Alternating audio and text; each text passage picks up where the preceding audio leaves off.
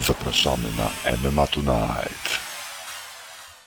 Witam Was serdecznie, nasi drodzy słuchacze. Mariusz Olkiewicz się kłania, a to 202 odcinek MMA Tonight, podcastu od InTheCage.pl, a w nim Q&A, długo, długo wyczekiwane przez Was. Dawno temu poprosiliśmy o pytania, nie wskazaliśmy terminu, no miał być, miała być środa, przesunęło się na sobotę, jest sobota, godzina 14.04.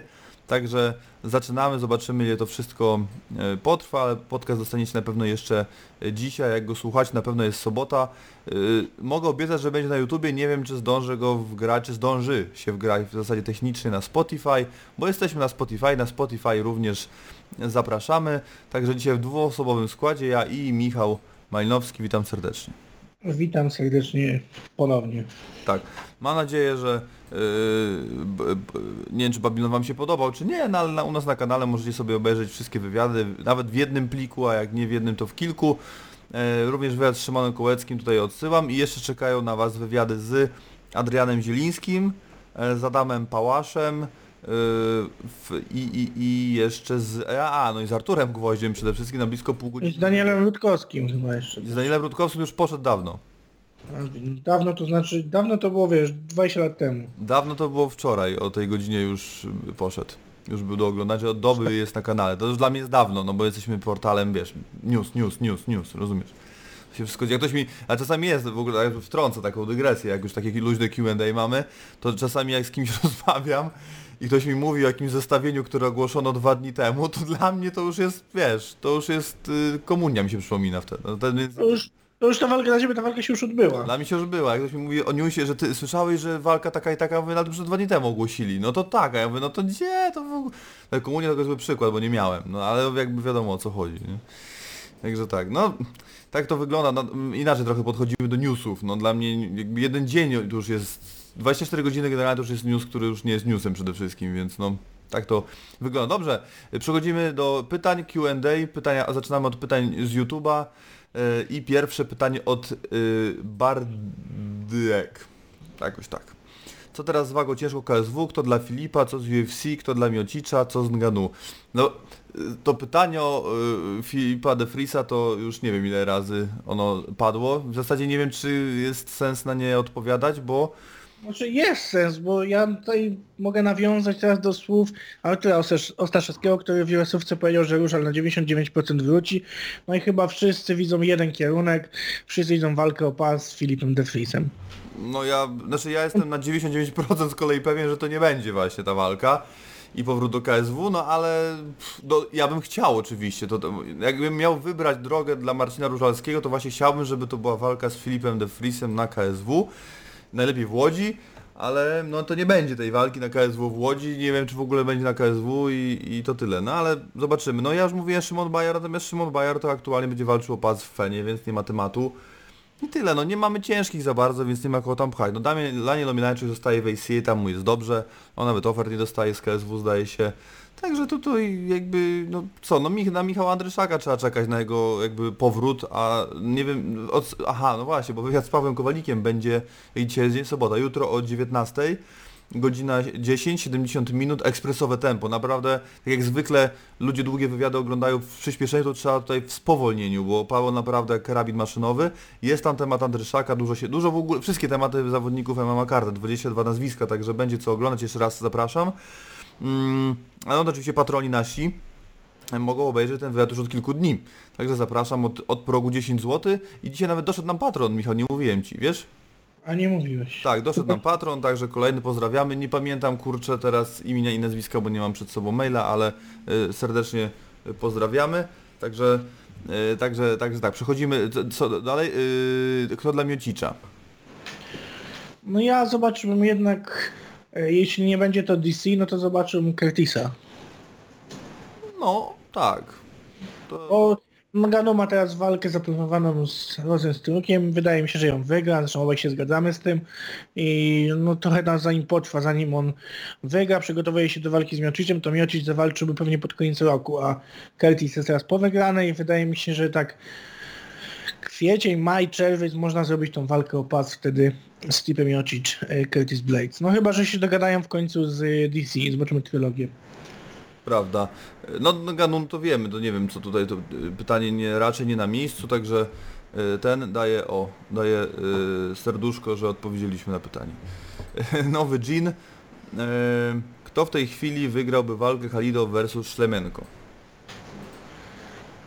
Mamet. Mimo, że ostatnio przegrywał te pojedynki swoje Mamet, no to dla mnie Szlemenko w ostatnim czasie, no naprawdę, ja wiem, że on te walki ostatnio tam wygrał, ale mnie jakoś nigdy nie ekscytował to raz, a dwa, no też jest wiekowy, więc ja myślę, że no, że po prostu Mamet. Starczyłoby. Myślę, że tak. No to ciężko powiedzieć, wiadomo, teraz to, to każdy mądry, ale do tej walki chyba też nie dojdzie, bo oni zawsze gdzieś unikali siebie. Tak, oni się tam lubią, znają i nie Tak. Tak, leci y, o serduszko. O, Właśnie, to jest dobry pomysł. Jak dostaniecie serduszko za wasze pytanie, to znaczy, że na nie odpowiedzieliśmy. O, to jest dobry, dobry patent wymyśliłem. Mateusz Szczepanek Mecenas. Od razu Mateusz tutaj y, serdecznie przepraszam, że jeszcze nagroda do ciebie nie dotarła, dotrze. Problem polega na tym, że po prostu jeszcze jej fizycznie nie mamy. I tu jest problem. Po prostu obiecałem nagrodę, której nie mam. I to jest problem, przepraszam serdecznie, ale... Zgubiłeś, zgubiłeś ją? Jak pewną rzecz ostatnio? No tego to na pewno Mateusz by nie chciał dostać, zresztą ja też średnio chciałem, ale ro, no, ciężko na to pracowałem, trzeba przyznać, tak.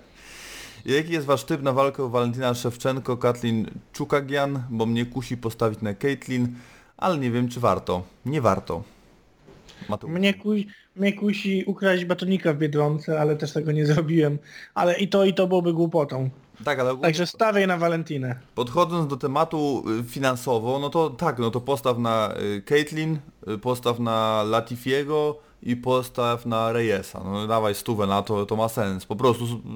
y, to się nie wydarzy. Bo w drugą stronę jak postawisz, to wygrasz grosze, a niepotrzebne ryzyko poniesiesz. Tak już ponosić ryzyko, no to aby coś tam więcej uszknąć. Ale Anty, stawię na Walentinę. antychryst. Pierwsze pytanie. Podoba wam się, że Martin Ford wystąpi na KSW? Nie. No nie, no widać, że bez frików się da. Bez Martina Forda już rok, się, rok minął od jego ogłoszenia i, nie, i dwa minie od jego, aż do jego występu, także nie jest niepotrzebny zupełnie i wydaje mi się, że nie ma takiej, nie ma takiej potrzeby. No ja już mówiłem, dla mnie walka Martina Forda interesuje tylko w dwóch wypadkach. Z irańskim Hulkiem, a tu już wiemy, że to się nie wydarzy, pod szyldem KSW i z Scottem Atkinsem, a to się w ogóle nie wydarzy, no więc mnie nie interesuje. E, Ale tak robi wrażenie na żywo, to prawda. Jest jednak, no jest potężnym potworem. No także fakt, ale umiejętności za grosz tam na pewno nie ma. E, Drugie pytanie, do walki Gamrota i Parnasa nie dochodzi. Co dalej z Gamrotem? Lewy powiedział, że walka z Francuzem zwalnia go z kontraktu, ale co jeśli tej walki nie będzie? Czy walka na przykład z Musawem też go zwolni z kontraktu, czy bez Francuza ani rusz i będzie musiał stoczyć więcej walk? Nie, no musi stoczyć jedną walkę i to wszystko. To to o to chodzi. Zresztą odsyłamy do wywiadu z Pawłem Kowalikiem, ten fragment już jest na YouTubie. Tak, to już można oby. No i do Mateusza, ale to, no tak jak mówię, no z Pawłem najlepiej, ale y, nie musi walczyć z Saladinem. Chodzi, on ma według KSW ma jedną walkę w kontrakcie, no więc to musi ją odbyć. Z tym, że to chodzi o to po prostu, że Mateuszowi zależy na ekstra, super, mega fajcie po prostu i tyle. On jest przekonany, że walkę wygra bez względu na to, kto będzie rywalem, no ale im lepszy rywal, tym potem łatwiej rozmawiać z kolejnym pracodawcą. A chyba o to chodzi, umówmy się no nie, i nie czarujmy też się i Mateusz też tego nie ukrywa chyba, że to chodzi o to, żeby ten kontrakt wypełnić i, i, odpuścić sobie wszystkie sądy i iść gdzieś dalej. Oczywiście w razie porażki sytuacja się pewnie zmienia, może się zmienić nie o ile stopni, czy o 180 od razu, ale no ale może być inaczej, ale na razie- 240. no 240, no było 90, no nie wiadomo. Na razie jest tak jak jest, wydaje mi się, że mm, do tej walki jednak dojdzie. Jak widzicie, jak widzicie teraz e, kategorię lekko w KSW jest Szymański, Szuli, Musajew, Park, Ziółkowski, Mańkowski, Wrzosek i Tedlek, kto z kim i dlaczego? O. No to jest właśnie jedno z trudniejszych pytań tak naprawdę, bo no to ja powiem jak mi się wydaje. No to mi się wydaje, że Wrzosek będzie walczył z Normanem yy, na gali KSW 54 o pas. Wydaje mi się również, że na tej samej gali, yy, albo może na następnej, 55, yy, Marian Ziółkowski będzie się bił z Borysem Mańkowskim, ewentualnie z Musajewem. I to jakbym to zostawił na razie, jeżeli chodzi o wagę lekko, to dwa zestawienia myślę, że są, że, że tak to będzie wyglądać. I z- dzi- 60% na walkę Ziółkowski-Mańkowski. No. Tak, ja się z tą zgodzę, chociaż uważam, że walka, ten rewanż Wrzoska z Parkiem to absurd, ale tak, zgodzę się z tobą. No ja też bym zobaczył to w innej konfiguracji, ale Wrzosek Mańkowski, a Ziółkowski Park. O, tak to powinno wyglądać. No ale Tak, dokładnie. No co zrobisz, jak nic nie zrobisz. Co do Szymańskiego nie wiem w sumie jakie tam... y, I teraz mam problem, bo zapytałem Pawła Kowalika o kategorię wagową i zapomniałem. Powiedział, że w 70, bo ja pamiętam, bo oglądałem ten wywiad już. A no tak. Że w 70 a, zostaje. No, no to tak. No to Szymański szuli coś źle? Nie, do, dobrze. No to już z głowy. Jeśli nie dojdzie do walki Parasa z Gambronem, to kto dla Francuza? Oj, to jest pytanie roku. Dojdzie do walki. A też tak mi się wydaje. do- No są przepychanki medialne, jak nie wiadomo o co chodzi, chodzi o pieniądze, po prostu. No tak, tak. Kwestia pieniędzy. Ja myślę, że w końcu dojdziemy do porozumienia i ta walka będzie, więc słuchajmy na razie tych wszystkich przepychanek, o wagę, o to, tamto, ta walka się odbędzie po prostu. Czy sprawy bieżące, czy wasze... Zawsze mnie to bawi, bo jest przez RZ i najgorsze jest to, kiedyś tak miałem taki serial, bo Władcy Much, na pewno kojarzysz. I tam są celowe... Tak, Tak, Tam są celowe błędy w tytule. I to jest tak, że ja jestem wzrokowcem i jak się opatrzy jakiś błąd, to tak pisałeś. to nie no tak nie pisałem, ale jak pisałem Pisałem. władca albo mucha, to y, się zastanawiałem i zna- oznaczało to, że wiesz, jakaś lampka się zapalała, bo mi się coś opatrzyło. Tak samo jest tym słynnym, słynnym, znaczy ja tego tak używam, no nie wiem jak dużo ludzi, w chuj, jeśli piszę przez F i razem. No w chuj to jest w chuj, no to, to jest słowo już. To tak, jest a- chuj, chuj, a w chuj to już są osobne słowa. No właśnie, no i tak, Proszę. także, y, także te sprawy bieżące zawsze mnie bawią choćby z tego y, tytułu. Czy wasza redakcja opublikowałaby wywiad, w którym ok Okniński posuwa się tak daleko, jak to było w wywiadzie Kostyry? Ja nie widziałem tego wywiadu. I tu jest Ja problem. widziałem. To, mi- to ty Michał odpowiedz. No chyba tak, no wywiad jest wywiad, no potem gdyby... Ja nie no rozumiem, że ten wywiad był zdjęty, tam padły są zdecydowanie za mocne słowa. Słowa procesowe, bo dzisiaj y, m- Martyna odpaliła wywiad, w którym Kostyra tłumaczy, dlaczego zdjął wywiad. O. Tak, tak, tak, ja też to widziałem. E, No więc, znaczy wywiad byśmy opublikowali na pewno, no przecież to nie jest, tam to, że rozmówca mówi jedną rzecz, to nie jest nasza wina. Weźmy to pod uwagę. Ja rozumiem, że Andrzej Kostyra zdjął, bo jakoś bardziej bliżej mu jest do Jurasa. Podejrzewam, że też jakiś pozew wszedł, więc to zostało zdjęte z tych przyczyn. Ale no, no nie odpowiadamy za to, co wielokrotnie nie zgadzamy się z tym, co zawodnik na przykład mówi do kamery i mamy inne zdanie na ten temat, no ale to są słowa zawodnika, a nie nasze. Więc tak samo w przypadku trenera Oknińskiego, gdyby to było, gdyby padło coś, nie wiem, powiedziałby coś innego na jakiegoś innego zawodnika, to nie są nasze słowa, tylko słowa trenera. Tak, no mnie jeszcze Co innego, co innego, gdyby nas obrażał personalnie w wywiadzie, no to wiadomo, że mogliśmy tego nie puścić. Oczywista oczywistość, ale no... Nie, no, ja nie, nie, nie wiem co do końca tam, znaczy, ja, znaczy inaczej, ja czytałem jakiś, nie wiem czy cytat z tego wyjęty i tak dalej. Ja generalnie wiem o co chodzi, to nie jest tak, że nie wiem, ale nie, nie oglądałem wywiadu, więc nie wiem, nie, kontekst, to jest wyrwane z kontekstu był. Ja nie wiem jak wyglądała rozmowa, więc nie mogę się do tego ustosunkować, no już nie będę mógł, no bo nie wiem jak wyglądała i się nie dowiem, bo jest zdjęty. Nie, ale mi się jedna rzecz przypomniała, ktoś kiedyś, pamiętam, bo ja na przykład w trakcie wywiadu jak z kimś rozmawiam, no to on coś mi mówi, no to ja po prostu kiwam głową, potakuję. No i niektórzy to odbierają jako zgodę z tym, co wypowiada dana osoba. No jest bzdura przecież, to nie jest. Ja po prostu kiwanie głową to jest taki no jest jakby odruch gest, ja rozumiem co do mnie mówi, rozumiem jakby zadaję mu pytanie, on daje mi odpowiedź. ja Tak, rozumiem. słucham cię, tak, No, słucham no a cię. ludzie myślą, że ja się zgadzam. No nie jest tak. Ludzie też myślą, że jeżeli ktoś wypowiada jakąś, z- w ogóle ktoś coś mówi, ja tego nie neguję, znaczy, że się zgadzam. No nie, no to w ogóle tak nie jest. Ja nie dyskutuję w wywiadach, czasami się to zdarza, natomiast z- z- rzadziej raczej. I jeżeli dyskutuję i wypowiadam swoje zdanie, no to wtedy je wypowiadam, no to, to zdanie jest wypowiedziane, koniec. Ale jeżeli ja przytakuję gościowi, to nie znaczy, że się z nim zgadzam. To jest ważne jednak, no.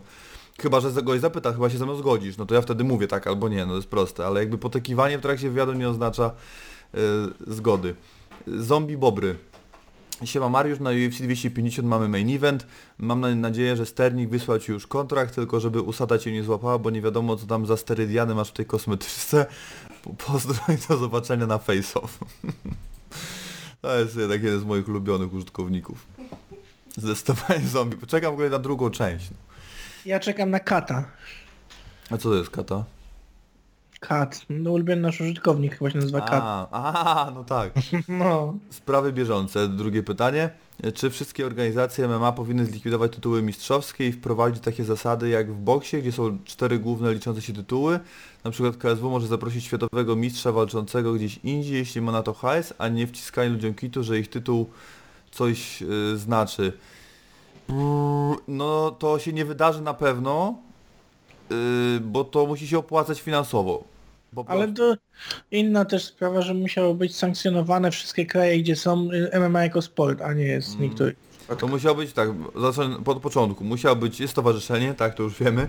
E, Powinien, a kilka stowarzyszeń powinno stworzyć związek, to już też rozumiemy. Natomiast w tym momencie, jakby się to wszystko wydarzyło, to wtedy y, jakby z, y, MMA st- stało się oficjalnie sportem sankcjonowanym przez Ministerstwo Sportu i Turystyki, to wtedy moglibyśmy dopiero powoli zacząć o czymś takim myśleć.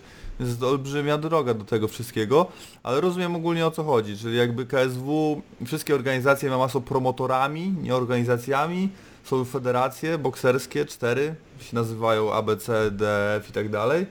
Tak, rozumiem, no nie było... ABCDF, cztery organizacje, to Tak, poleciałeś ja jestem, jestem, za, jestem przeciwny z tego tytułu, że mm, telewizja by decydowała o tym, jakie starcie się odbędzie i to byłoby słabe. Po prostu.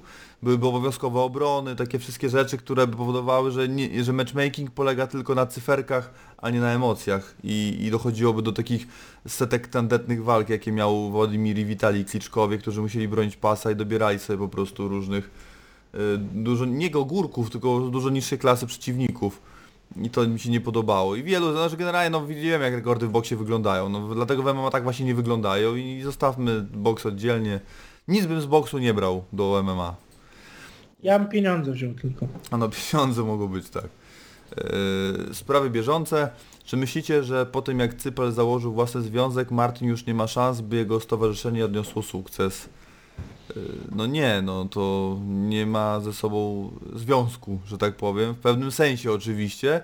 Zobaczymy kto, komu to będzie lepiej szło, kto będzie bardziej wytrwały, no na ten moment 1-0 Martin, no bo to Martin wysłał ekipę do Bahrajnu z 70 i czy tam iluś procentowym wsparciem. E, No tam te wszystkie rzeczy, dieta, ciuchy to już nieistotne. No chodzi po prostu o to, że nie musieli... Znaczy ja, odkła... ja w zasadzie odsyłam do wywiadu z Klaudią Sygułą. Dla mnie to tak naprawdę ona jest osobą, która powinna się na temat wypowiadać, ponieważ ona wzięła w tym udział. I jest osobą, na którą to dobro, nazwijmy to, spłynęło, więc jakby to i ona powinna się wypowiadać w tym temacie w mojej opinii, bo moja opinia jest taka, że tak jak jest teraz jest ok, natomiast no, teraz to jest, na teraz wiemy, że y, Sławomir Cybel coś założył, ale ja nie znam działań tego za bardzo, nie wiem co się wydarzyło. No jeżeli chodzi o MMA Polska, coś tam wiem, Yy, więc yy, su inaczej, sukces może być i tu i tu, to nie wyklucza się jedno z drugim, więc i, i życzę, żeby tak było właśnie, no a na końcu, no nie wiem co się wydarzy, ale jakby oby był sukces i tu i tu, no bo wtedy zyska na tym amatorskie MMA, no, które jednak pewnie powinno mieć w dalszej perspektywie wpływ na zawodowe, no ale mówię oczywiście o dostarczaniu nowych talentów, to, tylko to mam na myśli, a jak wyjdzie, no to zobaczymy, kto dla Janicicza w KSW. Yy, On przegrał z Romanem Szymańskim, tak? Tak, ale on, on chyba w 70 77, docelowo chyba w 77. Coś takim świta, że może walczyć. Mhm, no to, y, aha. Mm, hmm, hmm. Myślę, jeżeli 70, no to Szuli. No ale Szuli mają walczyć z Szymańskim, już mówiliśmy. no to niby tak. Ale, no tak, no, no to To- też jest, no to, to podaje opcję. Może Hubert Szymajda jak się odbuduje. Tak, no Hubert Szymajda, tak, no bo Hubert, Hubert ma walkę w ogóle, nie? Na TFL-u. Tak, na TFL-u. No, Kęsik też. No tak, tak, a...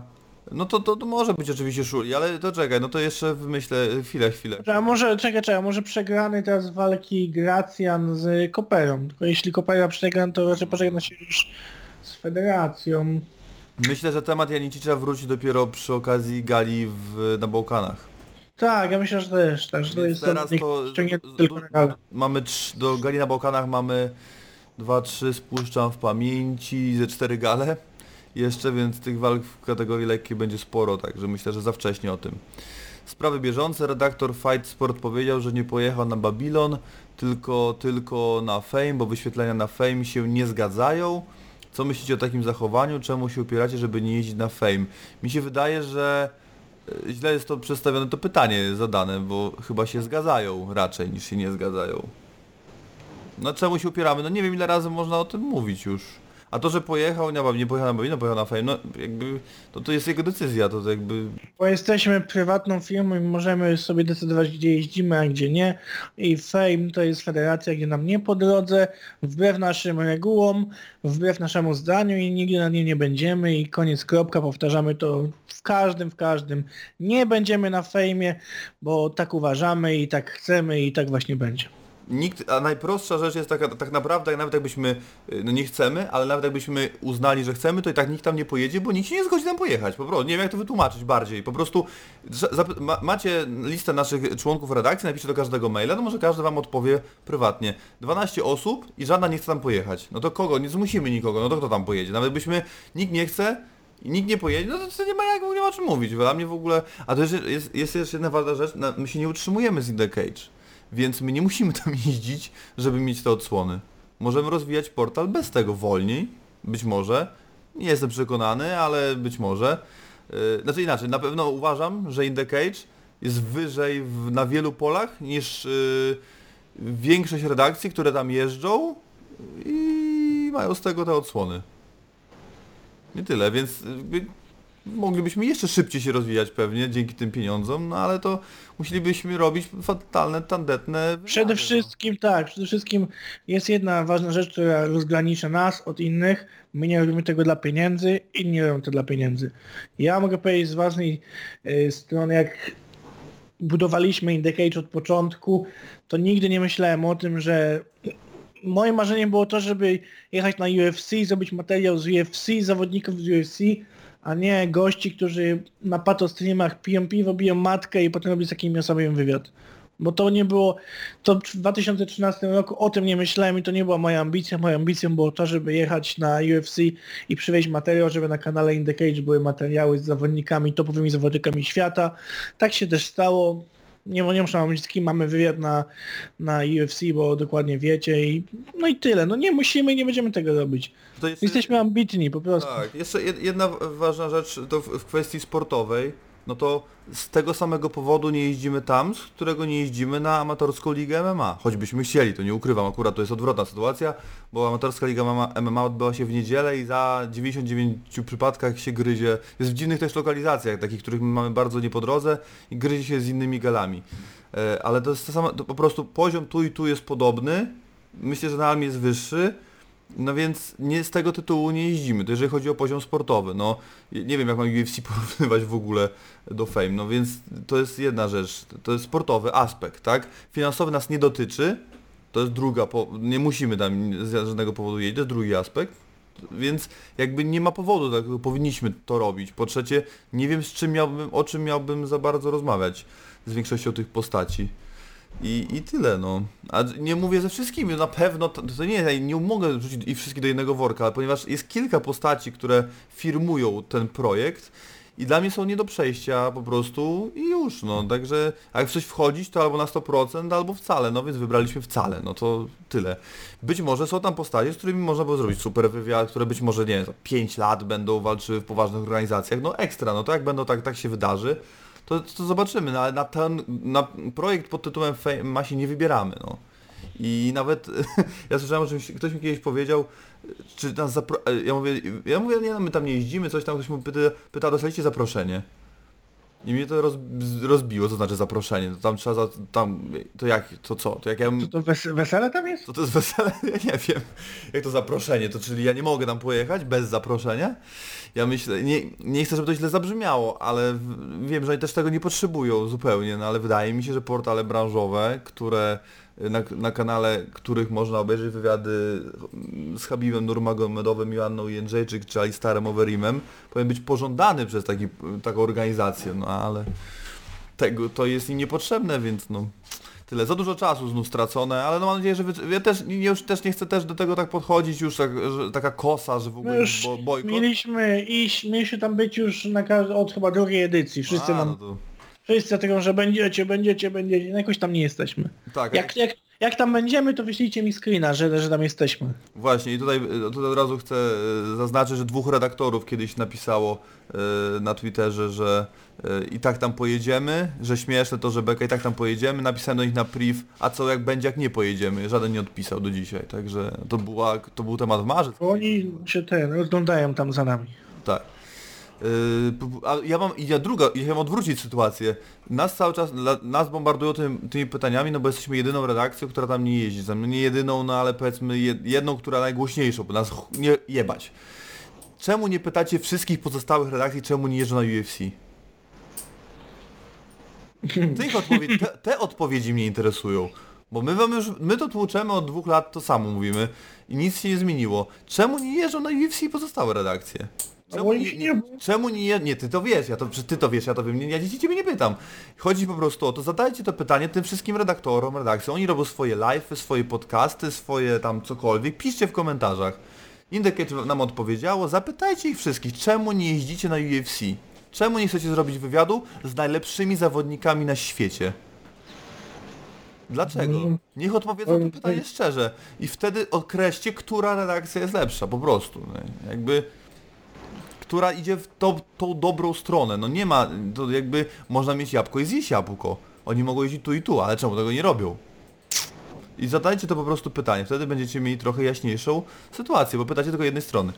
Yy, Mikerosi 1, Siemka Mariusz, z tego co wiem, to nigdy sam nie trenowałeś żadnych sztuk walki, czy nigdy nie kusiło Cię, aby spróbować? Yy, kusiło, oczywiście, Natomiast ze względu na mój charakter pracy i in the cage i tej drugiej, nazwijmy to, yy, zarobkowej, po prostu nie mam yy, jak tego pogodzić. Jakbym miał trenować, to chciałem to robić regularnie, czyli tam w jakichś konkretnych godzinach, a niestety moja praca wyklucza, bo mogę, moją pracę mogę zacząć o każdej godzinie i o każdej godzinie ją skończyć. I może trwać godzinę, może trwać 30 godzin nawet, więc jakby nie, to, to tutaj jest problem, ale oczywiście, że myślałem, szczególnie, że mi się Centrum Sportów Walki na mojej ulicy otworzyło, E, Także w ogóle tym bardziej się nad tym zastanawiałem, ze względu też na monotonię treningu siłowego i tyle. A na crossfit nie chcę, bo będą się ze mnie koledzy śmiali, więc...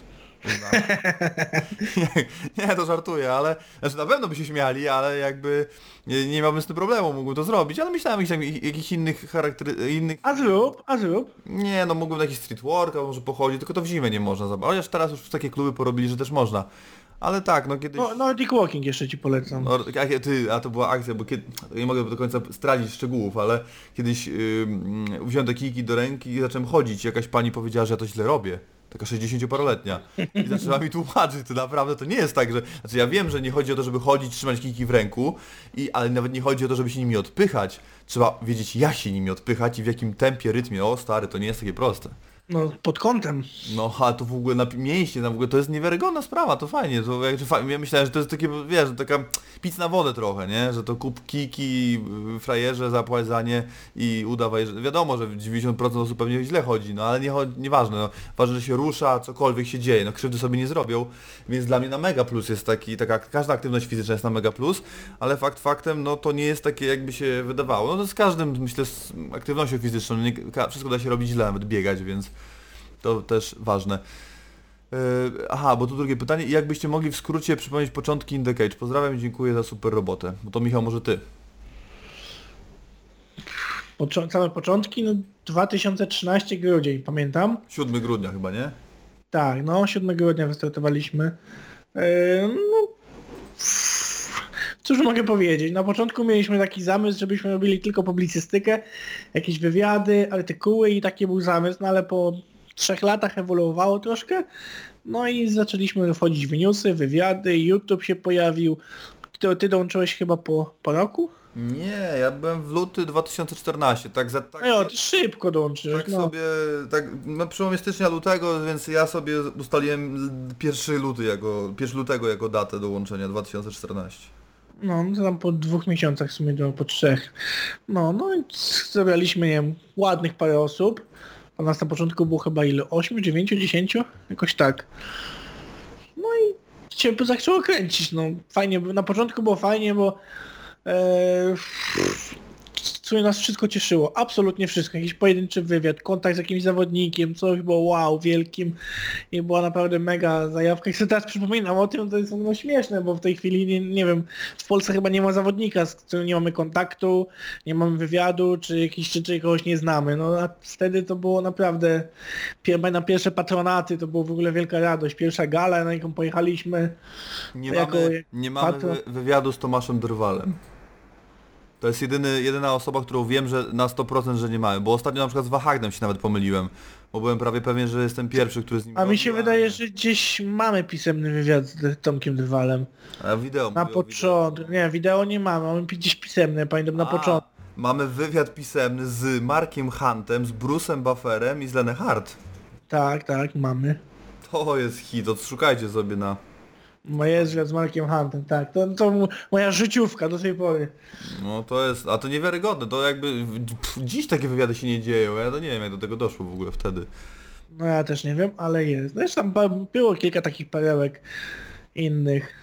Zaczynamy, Czy no pamiętam- jeszcze podcast był, no ten, którego teraz słuchacie, tak? Bo to też był dość szybko wprowadzony projekt. No tylko nie był taki regularny, ale tak, No no, tak, pod, tak. też był szybko.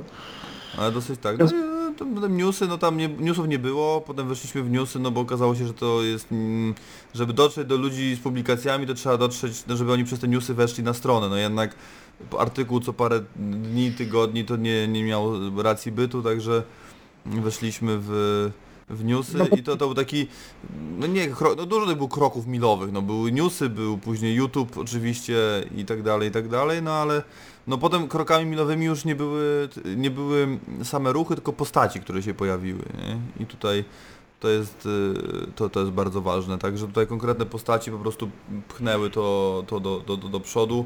Dużo tych osób było, część jest nadal, część już nie ma.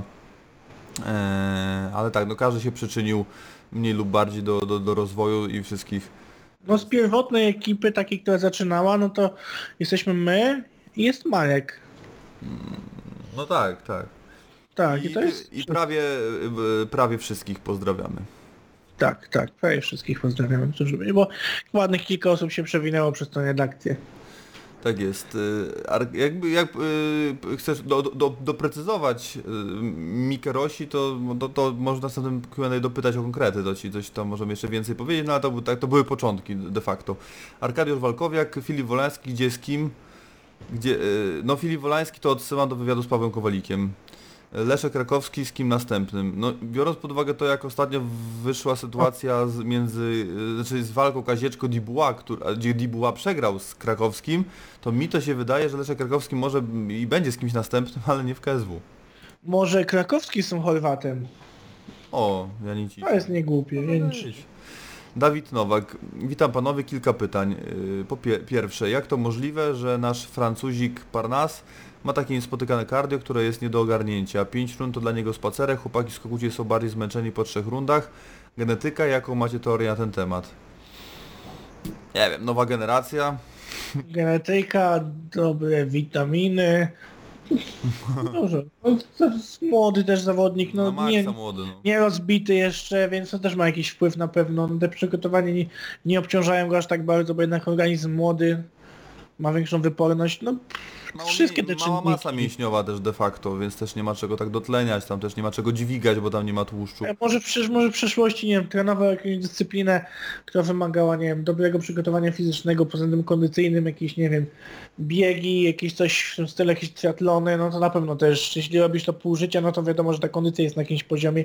Nie wiem, ale to tylko moje domysły są, także tutaj nie chcę jakieś rzucać ploty, czy, czy coś w tym stylu. No, to są moje domniemania. Ja myślę, że no po prostu ewenement też jakiś i, i tyle. E, W mojej opinii ten zawodnik może dojść, nie wiem czy to słowo dalej, to, to, niż John Jones, no to ciężko dalej w sumie, no ale myślę, że przynajmniej taką karierę zrobić, a no nie, nie życzę mu tego wszystkiego, co się dzieje poza klatką oczywiście, no niestety jest to wliczone trochę w ten sport, ale o takie ryzyko, ale no biorąc pod uwagę to, że jednak jest otoczony dobrymi ludźmi, z tego co mi wiadomo, z tego co widzę może bardziej, no to wydaje mi się, że, że może dojść naprawdę tak daleko i ma, ma na to wszystko, więc w zasadzie wystarczyłoby tego tylko nie spieprzyć, no a to jest chyba najtrudniejsze w tym wszystkim, no bo ta droga jednak jest długa.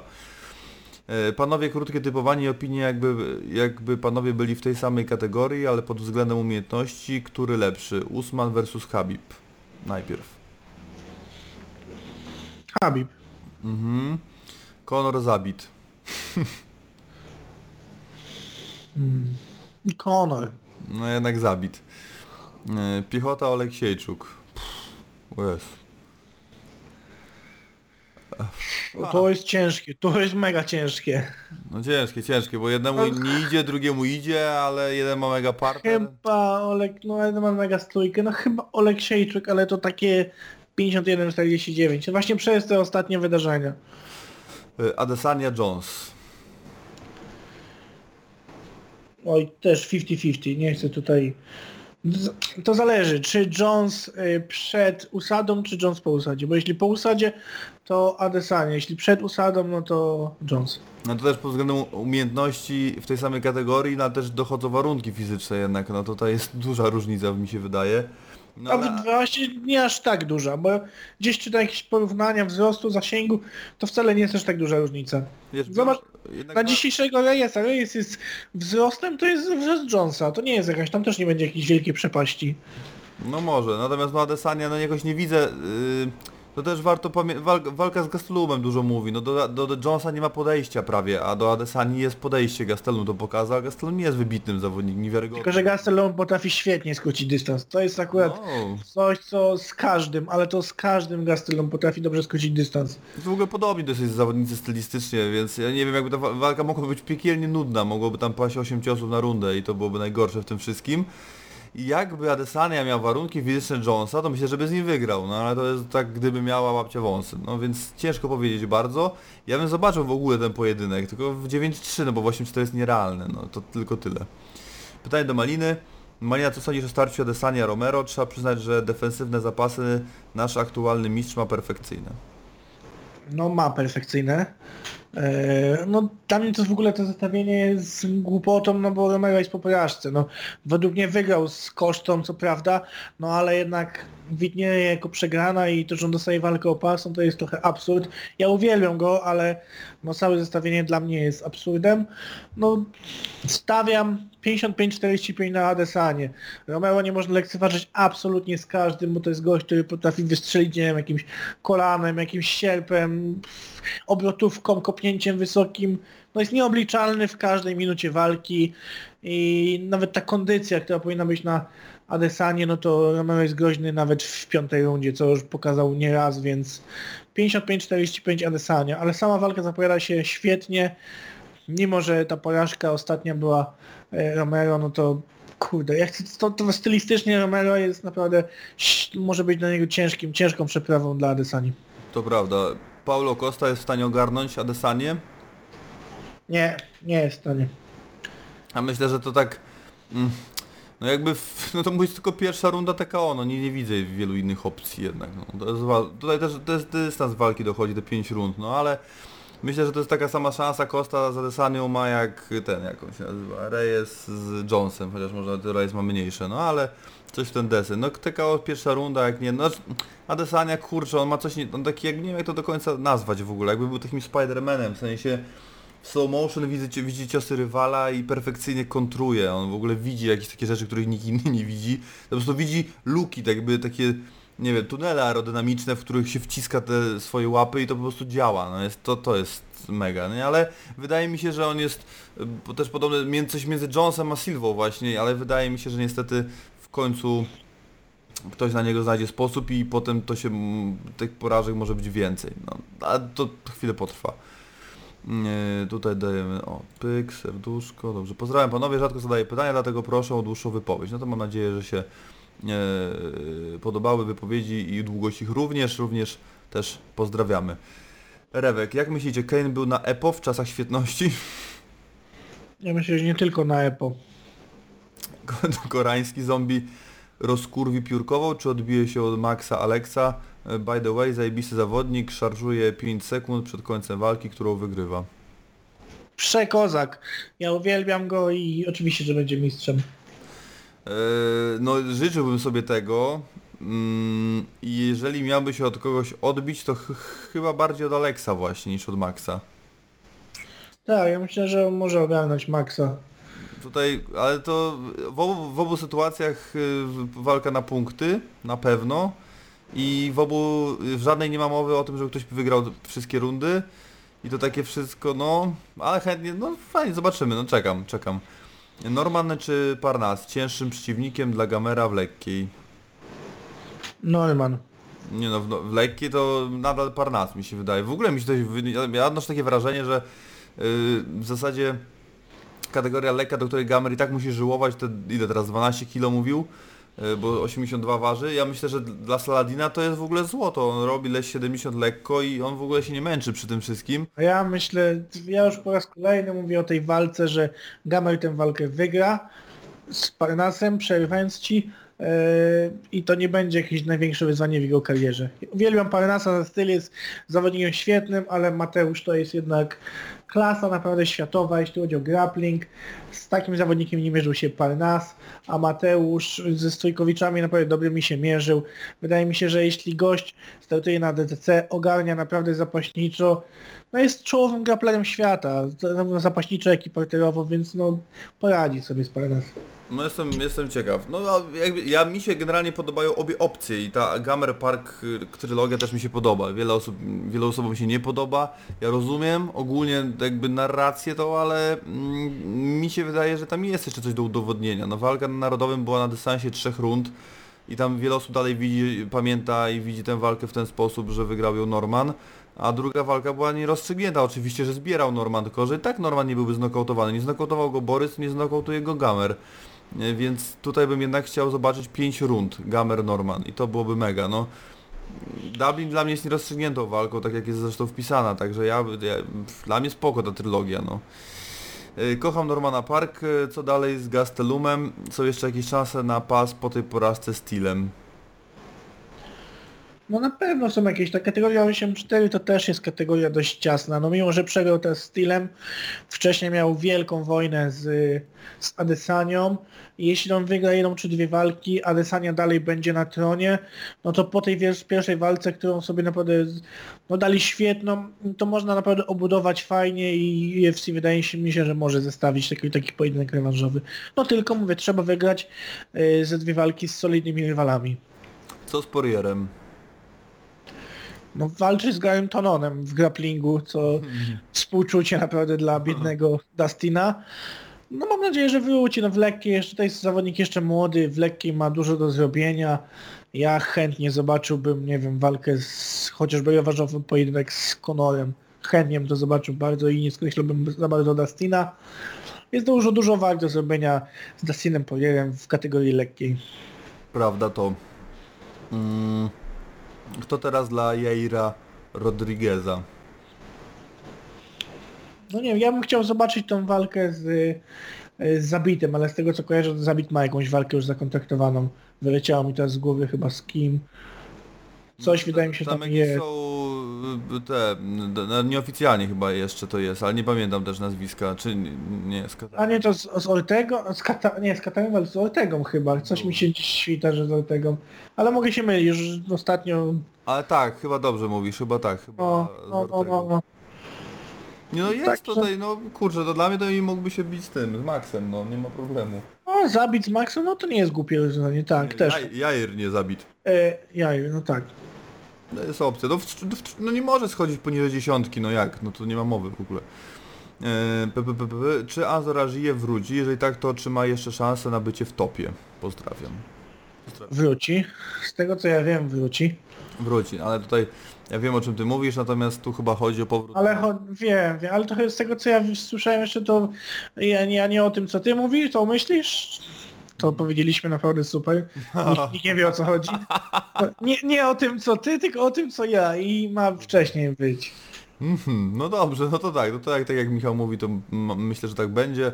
Na to gorąco liczymy. Nie wiem, ta, dla mnie ta przerwa jest niezrozumiała zupełnie. Ja słyszałem, że w pierwszym kwartale jakoś tak y, roku, teraz znaczy niedługo, czyli może coś być. Okej, Kaja Maja. Co dalej z turniejem RWC w wadze ciężkiej? No to tutaj odsyłam do wywiadu z Pawłem Kowalikiem, który już w niedzielę o godzinie 19, tam jest wszystko wyjaśnione doszczętnie. Yy, Antiger AST. Gdzie przejdzie Grzebyk waszym zdaniem? Do KSW. E, No tak, tak. Ja też bym chciał zobaczyć, znaczy najbardziej chciałbym zobaczyć Andrzeja w UFC, bo to jest cel, który wydaje mi się, on powinien wybrać. Ale też nie zdziwię się, jak nie pójdzie do KSW z tego względu, że KSW, no to jest wtedy koniec marzeń UFC. No i Andrzej wybierze, nie wiem, jakąś jedną walkę e, w ACA. Ewentualnie w, w, ja, jak jeśli ja bym był menadżerem i jeśli ja bym był Andrzejem Grzebykiem, no to chciałbym teraz obrał kierunek, dogadał się, nie wiem, że Paweł Kowalik załatwił mi walkę z Cage Warriors, wygrać z Cage Warriors z, z jakimś zawodnikiem i wtedy wiadomo, że do UFC jest bliżej. Chociaż wiemy też, że te UFC w tej chwili, no nie ma wolnych miejsc, że tak powiem i to jest prawda, niestety, że nie ma wolnych miejsc e, w tych kategoriach wagowych, tak samo Mateusz Rabecki, więc no trzeba poczekać, trzeba stoczyć jedną walkę i chwilkę odczekać, a Cage Warriors jest idealnym takim rozwiązaniem, bo wydaje mi się, że Andrzej jest zawodnikiem, który poradziłby sobie z zawodnikami e, Cage Warriors, a jednak z tej angielskiej organizacji bardzo blisko zawsze do UFC. Czemu Marian Ziłkowski jeszcze nie dostał walki o pas? Jaka może być tego przyczyna? Fani chcą tego pojedynku, z drabinki należy mu się jak psu Buda, więc o co biega? No, ja bym, zróbmy tak. Marian, jak ogłoszą, Marian Ziłkowski wie już z kim się będzie bił i kiedy, więc y, są zadowoleni z tego pojedynku, on i jego menadżer. Więc jak ogłoszą ten pojedynek, to wtedy, y, je- jeżeli to nie będzie walka o pas, to my zapytamy wtedy kogoś z KSW y, podczas wywiadu, dlaczego Marian nie dostał walki o pas. Tak byłoby chyba najprościej, ponieważ... Ale zdecydowanie powinien, tak, ja się zgadzam Ale że powinien, tak. Zdecydowanie. Nawiązując do, do drugiego pytania, uważacie, że strasznie dużo ludzi próbuje sobie teraz e, wyszczekać walkę o pas? No offense do innych zawodników, ale Mańkowskiemu, za co by zmienił kategorię i się należy z urzędu.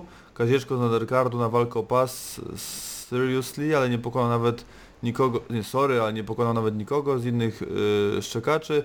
Jak pokona e, z top 2 to można to rozważać. Wrzosek i Musajew w mojej opinii są najbliżej nie licząc Mariana oczywiście bo jedną dał dobro, po pierwsze dał dobrą walkę o pas bez znacznego przygotowania, po drugie pokazał się dobrze dwa razy w ostatnich pojedynkach. Moim zdaniem oni wszyscy powinni ze sobą zawalczyć, by wyłonić pretendentów, e, a nie wszyscy krzyczą o pas. Sorry, trochę długie wyszło. No więc wy, jakby na koniec tego wszystkiego najlepszą puentą byłoby chyba słowo turniej. Tak, no to było najlepsze rozwiązanie. W tej chwili wady lekkie jest taki młyn, że mistrz aktualny Mateusz Gamon zwakał pas, jest pas tymczasowy, czy, już, czy Norman dostał pas normalny, tymczasowy chyba. tak, no tymczasowy. No więc według mnie wpakować naprawdę wszystkich łącznie z Normanem do turnieju, zrobić nie wiem, turniej ośmioosobowy i niech się chłopaki tłuką, niech to wyłoni mistrza i wtedy zobaczy, zobaczylibyśmy jak wygląda sytuacja z Mateuszem Gamrotem, czy Mateusz zostanie w KSW, czy odejdzie. No i wtedy zwycięzca ewentualnie albo dostałby pas regularny, ewentualnie zmierzyłby się z Mateuszem, jeśli ten byłby jeszcze w federacji po prostu. Bardzo mało mówi się o Karolinie Kowalkiewicz-Szarków. Myślicie, że jeszcze będzie z tego chleb? Ja myślę, że następna walka odpowie na to pytanie. Ja myślę, że Karolina już nie dojdzie do walki o pas, nie będzie w tej, tej ścisłej czołówce, natomiast to będzie zawsze zawodniczka, która będzie e, odsiewała trochę zawodniczki, które aspirują do dziesiątki i ona będzie na przykład wygrywała i przegrywała, ale ja myślę, że to jest zawodniczka, która skończy karierę w UFC. No to na pewno, to na pewno. To jest solid, co jak to jest solidna firma, doświadczona, UFC ceni usługi Karoliny, są z niej zadowoleni, mimo że ostatnio Karolina nie należy, ostatni czas nie należy do niej, no to jednak to jest solidna firma, doświadczona, zawodniczka, która wielokrotnie już walczyła na UFC, na wielkich galach, na wielkich walkach Yy, i z tego co ja wiem, no to raczej nie zanosi się, żeby Karolina została zwolniona chyba po tej porażce też. No pe pewnie tak jest. No zobaczymy. E, Przede wszystkim trzeba obejrzeć walkę z Shayona Nian i wtedy będzie Tak, mądrzejsi. Bo na razie to trochę tak. Ale wiem ogólnie o co chodzi. No jakby czy, czy będzie chleb? No pasa UFC nie będzie pewnie już, ale e, no, chodzi o to po prostu, że Karolina jest trochę jakby jest, nie, no to trzeba tak nazwać, nie wiem, poprzednia generacja nazwijmy to. Po prostu są dziewczyny. To jest to co Stara szkoła rapu. to co było, tak, to co było z Rondą trochę, to t- te stro... nie do końca to co Zasią, no bo jakby to zresztą na to pytanie o tym będziemy rozmawiali 8 marca, ale jakby Mm, No już ciężko będzie dogonić po prostu o czołówkę, tak? Jakby to, jakby, nie wiem, Kardynal miała, nie wiem, 5-7 lat kariery jeszcze przed sobą, przed sobą, no to to pewnie by wszystko inaczej wyglądało. No a tak nie jest. Ma nie 5-7 lat, ale 5-7 walk w najlepszym wypadku w ogóle. 5, to myślę, że to jest ta górna granica. Także tak, tak to widzę, no i, i, zobaczymy. Poczekajmy po prostu do walki. No nie, nie na razie nie skreślajmy, bo może się okaże, że tam też pamiętajmy, że jest lekka zmiana nastąpiła, lekka, że nie, nie lekka, tylko duża zmiana, bo kwestia y, diety i tej Hashimoto i tej diety Karoliny nastąpiła. Ona nie, nie, nie nastąpiła tam tydzień czy dwa tygodnie temu, ani miesiąc, to już trwa trochę, e, ale te zmiany powinny mieć y, spory wpływ na to, co się wydarzy już tam na miejscu w Auckland, także no ja czekam, zobaczymy co te zmiany dadzą. Bardzo trudna rywalka dla Karoliny. Nie musiała wcale brać takiej rywalki i mogłaby sobie tak naprawdę wybrać łatwiejszą drogę i, i, i lecieć jakąś sinusoidą albo po prostu obijać dziewczyny z dołów. A jest ambitna i ona nie po to stoczyła już tyle walk w UFC, że nie będzie biła się po prostu z kelnerkami i ja to ją mega szanuję i dlatego bardzo kibicuję i czekam na pojedynek yy, Shayonan Jan. E, Ranski pyta. Duże walki w 2020, które wydarzą się lub chcielibyśmy, żeby się wydarzyły w KSW. No więc ja bym chciał e, Gamrota z Parnasem, chciałbym e, Soldicza z Grzebykiem i chciałbym... Różala z Aleksem Emelianenko. Ja bym się... No, to, to Różala z, yy, Różala z Willem de Vriesem, no na przykład, ale nie, nawet aż tak mnie to, znaczy w ogóle powrót Różala byłby do KSW ciekawy, ale yy, jednak Fernando Rodriguez, a Phil de Vries to są jednak trochę inne postaci i jednak inna jakość zawodników, więc ja bym tak się jako, to mnie nie elektryzuje, to elektryzuje mnie walki, które są 50 na 50, no. Więc tu raczej w tą stronę bym szedł. Mm, Także to są te dwa i no y, na Musajewa czekam na rozwój jakby wypadków, to jest to, to mnie interesuje. E, No Kensik Materla mnie trochę interesuje, takie zestawienie. Drikus Materla też mnie interesuje, e, takie zestawienie. Generalnie gdzieś tam te, te, te zestawienia z Drikusem, no ale jeszcze jakaś taka petarda. E, No trylogia Park Gamro też mnie interesuje, też jest dla mnie spoko, fajną bardzo opcją. Mm, mm, mm, mm, mm. No nic mi takiego do głowy nie przychodzi, to trzeba byłoby już jakiś taki fantasy matchmaking bardzo zrobić i po prostu podobierać ludzi z innych dywizji, więc, yy, więc nie, może w żeńskim ma coś takiego fa- ciekawe. A, no wiem, na przykład ostatnio, no to bym zobaczył chętnie, ja lubię żeńskie ma Ola Rola Sylwia Juśkiewicz. I tutaj dodam, że Sylwia Juśkiewicz jest na tak, jeżeli chodzi o taki pojedynek, choćby dlatego, że miała walczyć na KSW w Londynie z Olą Rolą, ale wybrali jednak e, Costigan. Ale miała być Sylwia Juśkiewicz, tam też jakiś był problem z kontuzją generalnie. No to jest wywiad u nas na kanale z grudnia z GaliTF, rozmawialiśmy, rozmawiał Jacek z Sylwią o tym, także zapraszamy. A więc tak, Sylwia Juśkiewicz, Ola Rola, no i yy, Karolina Owczarz, Justyna Haba. Michał, Ja nie mam za dużo nic do dodania, bo chyba wyczerpałeś temat. Dlaczego, drugie pytanie od Rańskiego, dlaczego Mariusz nie pojawił się na FEN? Wspomniał coś wcześniej. Jeśli coś pomyliłem, wybaczcie. Yy, No tak, miałem jechać na Wotorę, nie pojechałem na Wotorę, pojechałem, miałem pojechać, znaczy chciałem jechać na FEN, okazało się, że Wotorę jest tego samego dnia, więc ustaliliśmy, że na FEN jedzie Jacek z Paulu, no ponieważ to jest rodzinne miasto e, Pauli, także miała te, też kwestie ekonomiczne weszły w rachubę. Y, ze względu na to, no, że oni, że dla mnie, jakbym ja tam tylko pojechał sam, no to trzeba byłoby specjalnie brać dla mnie jednego hotel, uznaliśmy, że to jest bez sensu ze względów e, ekonomicznych, Mm, więc tak nie zrobiliśmy. E, Ja miałem jechać na Wotorę, no więc jak już ustaliliśmy składy, potem się okazało, że na Wotorę nie jadę, no to już nie chcieliśmy mieszać, kombinować i zostawiliśmy po prostu to tak jak jest. A czemu nie, nie pojechałem? To pytanie chyba gdzieś tam będzie dalej jeszcze, ale to odpowiem na nie teraz, gdyby się tak nie pojawiło, ponieważ nie dostaliśmy akredytacji na Wotorę. Została nam akredytacja przyznana, yy, no, przyznano nam akredytację generalnie, znaczy mailowałem z kimś, z, jakoś, z jedną z osób z Wotorę i napisała mi, że nie ma problemu, ile osób, yy, poprosiliśmy o trzy akredytacje, dostaliśmy trzy akredytacje, a później dostaliśmy informację, że niestety nie mogą nam jej przyznać, ponieważ portal MMA Rocks ma wyłączność, jeżeli chodzi, wyłączność branżową na ten event. I nie mogliśmy się, nie mogła się tam pojawić żadna inna redakcja poza nimi. I tyle. Yy, dobra, tutaj daję serduszko. Łukasz yy, Jędrszczyk Nie, to stawiam, że Jędraszczyk powinno być, ale może nie. Co sądzicie o walce Grzebek versus Soldicz na KSW 53 i kto by był waszym faworytem? No właśnie, to jest walka 50 na 50, więc yy, oczywiście, że jestem na tak. Taka walka się nie wydarzy, bo gala jest w marcu, a Andrzej Grzebek ma kontrakt do końca marca.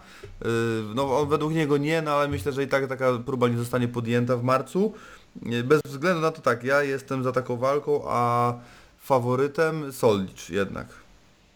55-45 Soldicz, ale tak, to jest ta jedna z walk, którą ja bym chciał zobaczyć w tym roku i to bardzo.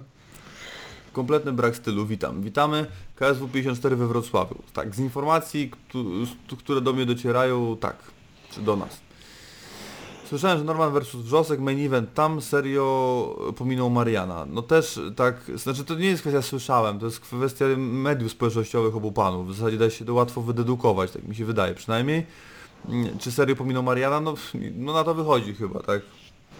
Ale to skomentujemy jak, jak już tak faktycznie się wydarzy.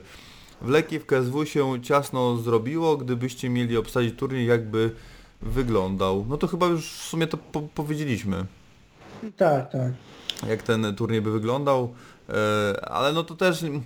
To też jest tak, żeby ten turniej się wydarzył, czyli na przykład, żeby wsadzić moje opinie, żeby wsadzić Borysa Mańkowskiego do tego turnieju, no to najpierw trzeba go zestawić, on musi coś wygrać w tej lekkiej, no nie można gościa, znaczy ja wiem, że on zrobi ten limit, tylko jakby bez ani jednej walki w lekkiej wsadzić go do turnieju czteroosobowego tak naprawdę chyba, no bo nie ośmioosobowego, no to, to tak nie do końca mi się to podoba, więc tu taki jestem, no ale tak no, mm, jakby wrzosek, Wrzosek Norman i Marian Borys, y, to tak można byłoby to zrobić. To by rozdzielić Wrzoska też z Normanem, można by było, żeby ewentualnie do tego doszło w finale, tak teoretycznie oczywiście.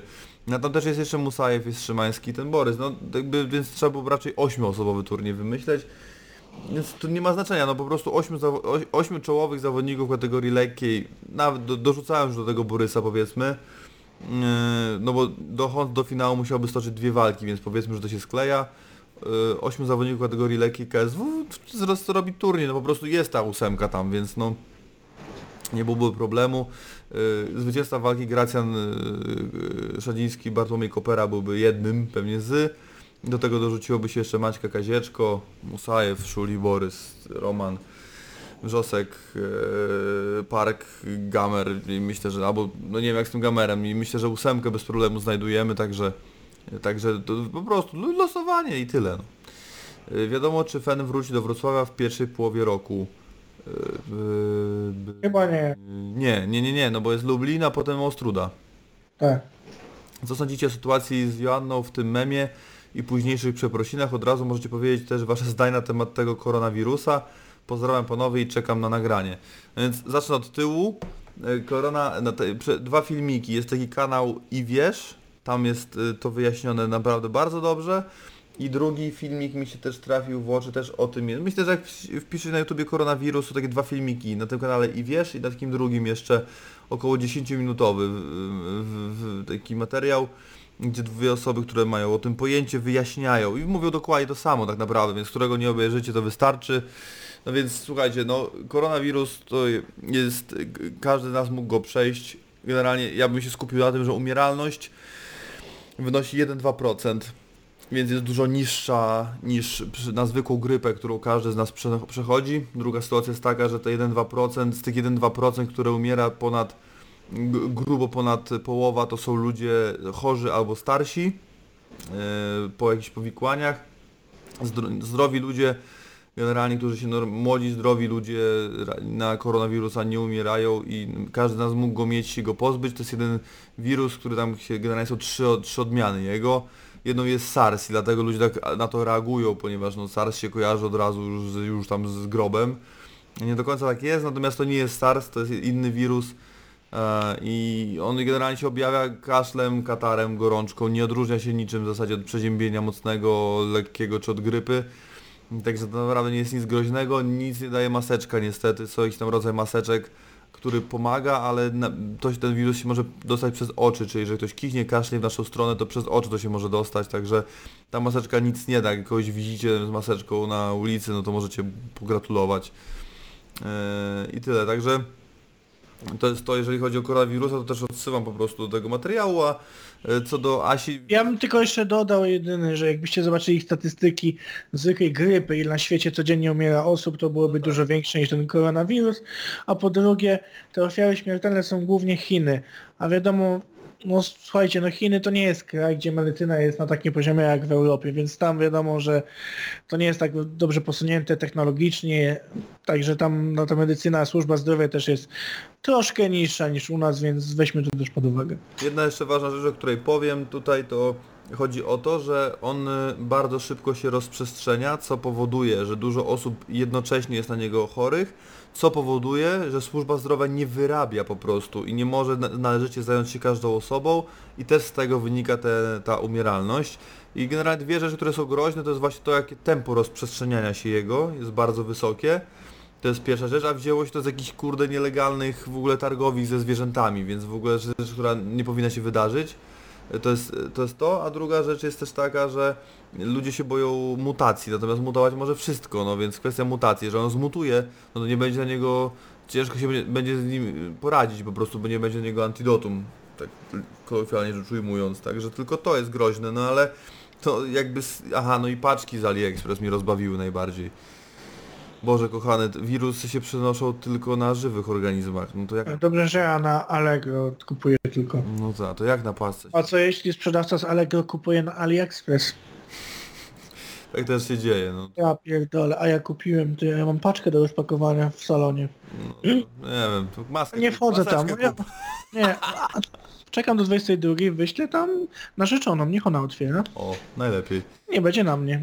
A co do Asi, Le, słuchajcie, lepiej ona niż ja, nie? co do, co do Asi, no to no nie wiem, no ja do tego takie podejście, no Whaley Zank ogólnie rozumiem jej oburzenie i, i jakby pewnie jak byłoby odwrotnie, to też my byśmy byli oburzeni na Whaley Zank, tak sądzę. Nie, no nie, Ale no nie róbmy jaj, no naprawdę, no jeżeli inaczej, jak ktoś obejrzał ten filmik, który obejrzałem ja, jeden albo drugi, to się śmieje z tego, no. Asia nie zrobiła nic złego, ona napisała, że y, bardzo dobrze, że w Chinach umiera tyle ludzi, albo nie współczuje ludziom, którzy umarli w Chinach, albo dobrze, że koronawirus jest, albo nie bójcie się, to nic nie, nie wiem, no cokolwiek, tam nie było, to był tylko mem. Z Asią w masce, naprawdę, to... Dystans nie- trochę, dystans. A poza tym to mega śmieszne, bo ja tam śmiechłem bardzo. Śmieszne, no naprawdę, no. By, jeżeli chodzi oczywiście o taką osobę jak Asia, może to było niepotrzebne i pewnie nie, nie, nie warto było to zrobić ogólnie. No znaczy już wiemy, że nie warto i być może takie osoby nie powinny jakby dwa razy przemyśleć czy taki ruch. No, ja nie uważam, że było w tym coś złego, ale faktycznie taki, nazwijmy to, mm, w danym momencie no mogło to po prostu tak być odebrane, jak zostało odebrane. Pamiętajmy, że jednak ludzi w Chinach jest więcej niż e, w Polsce i w Stanach, także mogły do tego podejść zupełnie inaczej, też dlatego też ta fala, dlatego ludzie się też, nie wiem, podzielili, nie podzielili, ale też brak wiedzy przede wszystkim wynika z tego, naprawdę, jak obejrzycie ten filmik, to zrozumiecie, ja wam tak przekazałem 80% już z tego filmiku, no ale to ja nie jestem autorytetem, wy sobie tam przeczytajcie, obejrzycie ten filmik, to będziecie wiedzieli, że to beka jest, już tą maską to już w ogóle, Naprawdę, dystans, dystans, dystans i, i wiedza, bo to naprawdę, ignorancja po prostu w takich kwestiach najbardziej szkodzi. Yy, No to było wszystko, pozdrawiamy serdecznie, o, leci serduszko, lecimy dalej, Wojciech Zaręba, witam panowie, gdzie waszym zdaniem zawalczy Tomek Drwal, który odwiesił rękawice? No ja myślę, że w KSW, jeśli w ogóle. No oczywiście, no KSW jest naprawdę kilka walk do zrobienia z Tomkiem. Kogo widzicie jako rywala dla Michała Materli, czy będzie to Kęsik? Nie, będzie to Patrick Kinzel. Tak, możecie to przeczytać u nas na stronie. Tak jest. Yy, Rembecki, Gamrot czy Skiba, który z, z, z tych zawodników może namieszać w UFC, jeżeli się dostaną? No, Wszyscy! no wszyscy mogą namieszać, a najbardziej, najwięcej szans widzę w przypadku Gamrota, no. Tak, tak, ja też. Po prostu wydaje mi się, że Gamrot by wygrał z Rembeckim, to z tego tytułu, no a Skiba to jest inna kategoria i wydaje mi się, że jednak jakby na końcu mam zostawić Gamrot, Habib i Skiba, Usman dalej nie widzę mm, opcji, no natomiast jakby wydaje mi się, że Daniel mimo wszystko, że jest tego, że jest kategorii, jest zawodnikiem kategorii 7-7, to mi się wydaje, że on jest jednak za mały na tą kategorię. Nie wiem, ja mam takie dziwne przeświadczenie, że jest dość mały jak na zawodnika kategorii półśredniej. Biorąc pod uwagę to, jak wygląda, nie wiem, Petty, Steven Thompson, czy Darren Till, czy Kelvin Gastelum, no to może akurat niedobry przykład na ten moment, no ale wiem o co chodzi. No to jakoś tak tego nie widzę do końca. No ale to no, GSP też nie był duży, a nie przegrał, także ale też był mistrzem, więc no tak, no to Gamrot y, jakby numer jeden, jeżeli chodzi o to namieszanie. E, Patryk Patryk, mm, na KSW 53 najprawdopodobniej zawalczy Michał Pietrzak, z kim według Was będzie on walczył, ogólnie może mocno namieszać w KSW. E, No tego nie wiemy, czy będzie walczył na KSW 53, ale będzie na pewno walczył w pierwszym półroczu. E, Z kim mógłby walczyć? No wydaje mi się, że y, dwie osoby to są, to jest Jolton Santos i ten Abus Magomedow. No tak, tak, tak. No ten Abus powinien zadebiutować w ogóle, no to dobrze. No w końcu tak, no tak Dobrze by powinien. było jakby zadebiutował, Michał musi dostać drugą szansę, to jest oczywiste. Yy, Aha, no nie wiem, czy to, z tego co mi wiadomo, Michał Pietrzak będzie się bił w 8-4, nie w 7-7 jednak. No, mhm. Nie, czy odwrotnie? A i wiesz, teraz pomieszałem chyba, no to teraz, no nieistotne, no niemniej jednak Joyton Santos się wpisuje w te obie opcje, także przy tym bym został, jeżeli by to miało być 7-7, no to Krystian Kaszubowski, ja bym to zobaczył. No jak 8-4, no to... Ja bym z tym Abusem właśnie to zobaczył, Abus, szczerze mówiąc. tak, Ja tak. czekam na ten angaż właśnie jego. Chciałbym to zobaczyć, naprawdę. Yy, I to odsyłam do wywiadu, który jeszcze się nie ukazał. Chyba jak to będzie, będzie tego słuchać, to też jeszcze tego wywiadu nie ma, a z Arturem Gwoździem i tam chyba jest temat Michała Pietrzaka i tej jego wagi poruszony, to, to, to, to ważne. Yy, Elvis 6630, Elvis, yy, czemu Mariusz nie był na FEN, powiedział, że wyjaśni w Q&A. No to właśnie wyjaśniłem, bo nie dostaliśmy akredytacji na Wotorę i doszło do takiej drobnej yy, roszady, nazwijmy to. Nie uważacie, że teraz KSW robi wszystko, żeby udupić Gamera? Chodzi o te wyzywanie do walki, jak się zgodził, to teraz waga nie pasuje, jak chodziło o Mameda versus Aska i Mamed versus Borys, nie było kłopotu z umownym limitem, tym bardziej, że pasy zostały zwakowane. No to Michał już o tym wspominał, no, że są to, to są przepychanki, e, a to nie, to jakby Saladin nie chce zrobić w kategorii wagowej. E, znaczy nie chce iść w catchweight, Saladin chce się bić w 6-6 po prostu, bo jest mistrzem 6-6 i ja to szanuję osobiście. No tak, tylko, że jest mistrzem tymczasowym. Mistrzem No regularnym 6-6-7-0 jest Mateusz, więc No tak, ale Ja uważam, walczyć że- w 6-6, y, no to musisz walczyć w 6-6, prawda? no tak, no ale słuchaj, no to pierwsze wyzwanie padło z, jednak z, od Saladina. Więc Saladin chciał najpierw walczyć z Gamrotem, a potem zostało to podchwycone, więc on go wyzwał do walki. No, no, ja tak Więc, zabiła więc sytuacja. jeśli jednak chcesz, no to Tak, no ja jestem jednak za tym, żeby... e, ja jestem za 6-8 w ogóle, no bo jeżeli Mateusz ma i tak odejść, no to taka walka jest najlepsza, bo jak on wygra, Saladin nie straci pasów oficjalnie, no więc w jakiś to sposób gdzieś rozumiem. Znaczy inaczej, mnie w ogóle nie interesuje tu, te pasy. Jeżeli Mateusz ma odejść, to mi to te pasy są bez znaczenia, także niech się biją cokolwiek, nie? W 6-1, w 9-3 ryba. Yy, Maciek Pabis. Co sądzicie na temat Petra Jana? Moim zdaniem może zostać mistrzem w najbliższym czasie. Mm, no, chyba jednak nie. no w najbliższym to nie. Chyba jednak. To pytanie co, w tym roku wątpię, ale no, no, absolutnie topowy zawodnik, to się zgadza. Nie, Czy Prochaska namiesza w light heavyweight y, UFC? No czekam na debiut. No, ja uważam, że spokojnie będzie w top 10. Patrząc zresztą na kategorie wagowe, jak, znaczy na tą kategorię wagową w UFC, no to jestem pewien, że będzie w top 10. Tak, no ja czekam na, na debiut i wtedy... Też zobaczymy jak wiesz, jak też Usada wejdzie, jak to wszystko, no ale umiejętnościami z tego co widzieliśmy, no to w moich oczach top 10 powinno być. Czy Gamrotowi opłaca się tak naprawdę robienie tej wagi na walkę z Saladinem, czy najlepiej już zawalczyć na przykład z kimś innym w limicie lekkiej? Odsyłam do wywiadu z Pawłem Kowalikiem. No. Tam jest temat ten rozwikłany, no ale już mówiliśmy, no chyba nie, ma, nie, nie będziemy, nic nowego nie dopowiemy. To jest opłaca, nie opłaca. Za walkę z Saladinem zgarnie więcej niż za walkę z Musajewem, a mi się bardziej chodzi o super fight, o coś takiego mega. No to też będzie po takim zwycięstwie nad, najlepszym możliwym zawodnikiem, łatwiej później się nad niepokonanym szczególnie. No to akurat Musajew się to wpisuje trochę, ale jakby Saladin bardziej medialnie się opłaca, bo ma pas tymczasowy, ale ma. E, KD. Czy w polskim MMA, KSW, FEN, Babylon, Wieczór Wojowników jest tak jak w UFC, w przypadku wygranej podwaja się wypłata. Eee, Podwaja, mm, z tego co wiem, to znaczy ja mogę powiedzieć na przykładzie u nas, podwaja to nie, ale poławia, no nie wiem, że połowa podstawy. no czyli takie, że 8 plus 4 na przykład, tak? No coś tak, no, dokładnie, bo my tyle płacimy, właśnie 8 plus 4. Czy, y, nie, to zależy od zawodnika, no to w, ale tak, w, KSW Fan Babylon na pewno ma takie kontrakty, w których dostaje się, ale nie drugie tyle właśnie, no to takie bardziej tak. Nie, z tego co, z tego co ja tam wiem, to jest właśnie połowa podstawy. Większość organizacji płaci tak, że za wygraną masz połowę podstawy, jaką dostajesz. Czyli powiedzmy dostajesz 5 tysięcy podstawy. Już nie mówię, że takie są stawki, ale tak na przykładowo. 5 tysięcy, wygrasz walkę, dostajesz za wygraną 2,5, czyli zganiasz 7,5. Tak, ale wiem, że też są kontrakty sztywne, takie, czy bez względu na... To już są przy większych stawkach, to Tak, już są tak. kontrakty na walkę i tam nie masz. To już zawod- zawodników zdecydowanie, którzy są dużo lepsi, te, te topowe gwiazdy. Ale tam są stawki sześciocyfrowe, więc tutaj raczej nie ma, no nie ma pola manewru za dużego. Piotr Zięcina, czy macie jakieś info co z Sebastianem Kotwicą? To super piórkowy, myślę, że idealny przeciwnik dla Rutkowskiego. No, w sumie to nie wiem, no, trąbiło się o tym UFC, no, ale nie można walczyć w UFC, jak się nie walczy w ogóle. Nie wiem, ja coś słyszałem, tylko nie chcę też tutaj jakiś plotek. Dzisiaj zasłyszałem, że nie wiadomo czy Sebastian w ogóle wróci na MMA. Tam jest dużo kontuzji. Mm, no to... Ale też no może dziś, może pomyliłem z kimś, także no do, do sprawdzenia na pewno ta informacja jest. Czy zauważyliście, jak wysoki jest już kurs na Janka Błachowicza, jak niski na Michała Oleksiejczuka? Jak to się zmienia? Miesiąc temu na Janka i Michała było około 1,90, a na ich przeciwników 1,70.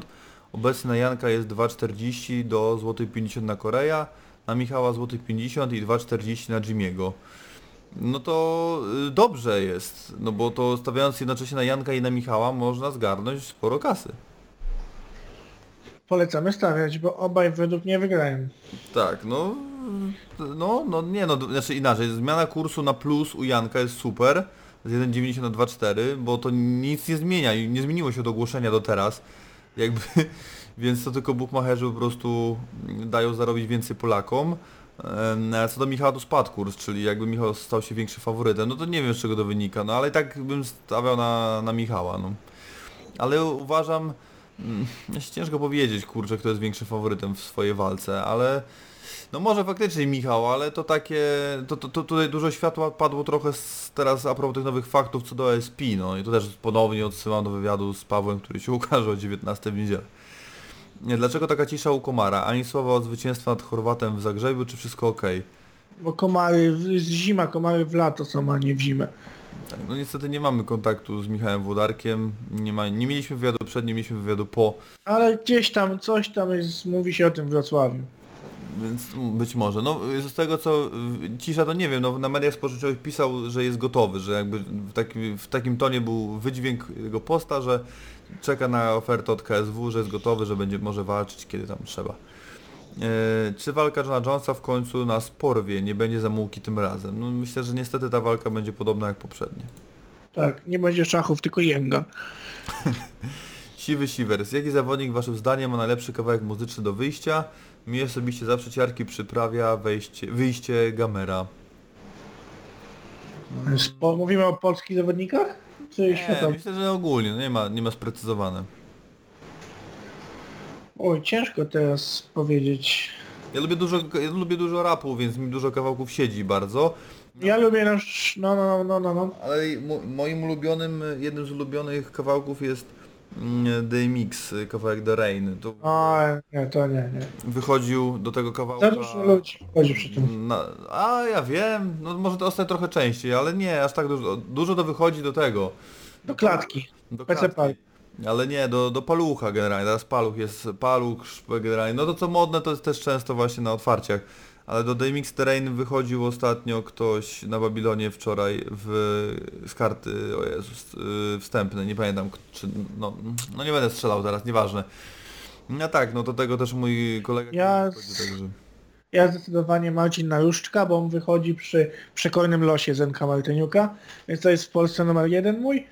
A światowych DC ma fajnie, ale to też pasuje, bo ma z, tej, z, tego, z tego serialu, gdzie gra The Rock, o tych menadżerach, tam futbolistów, nie pamiętam serialu, jak się nazywa.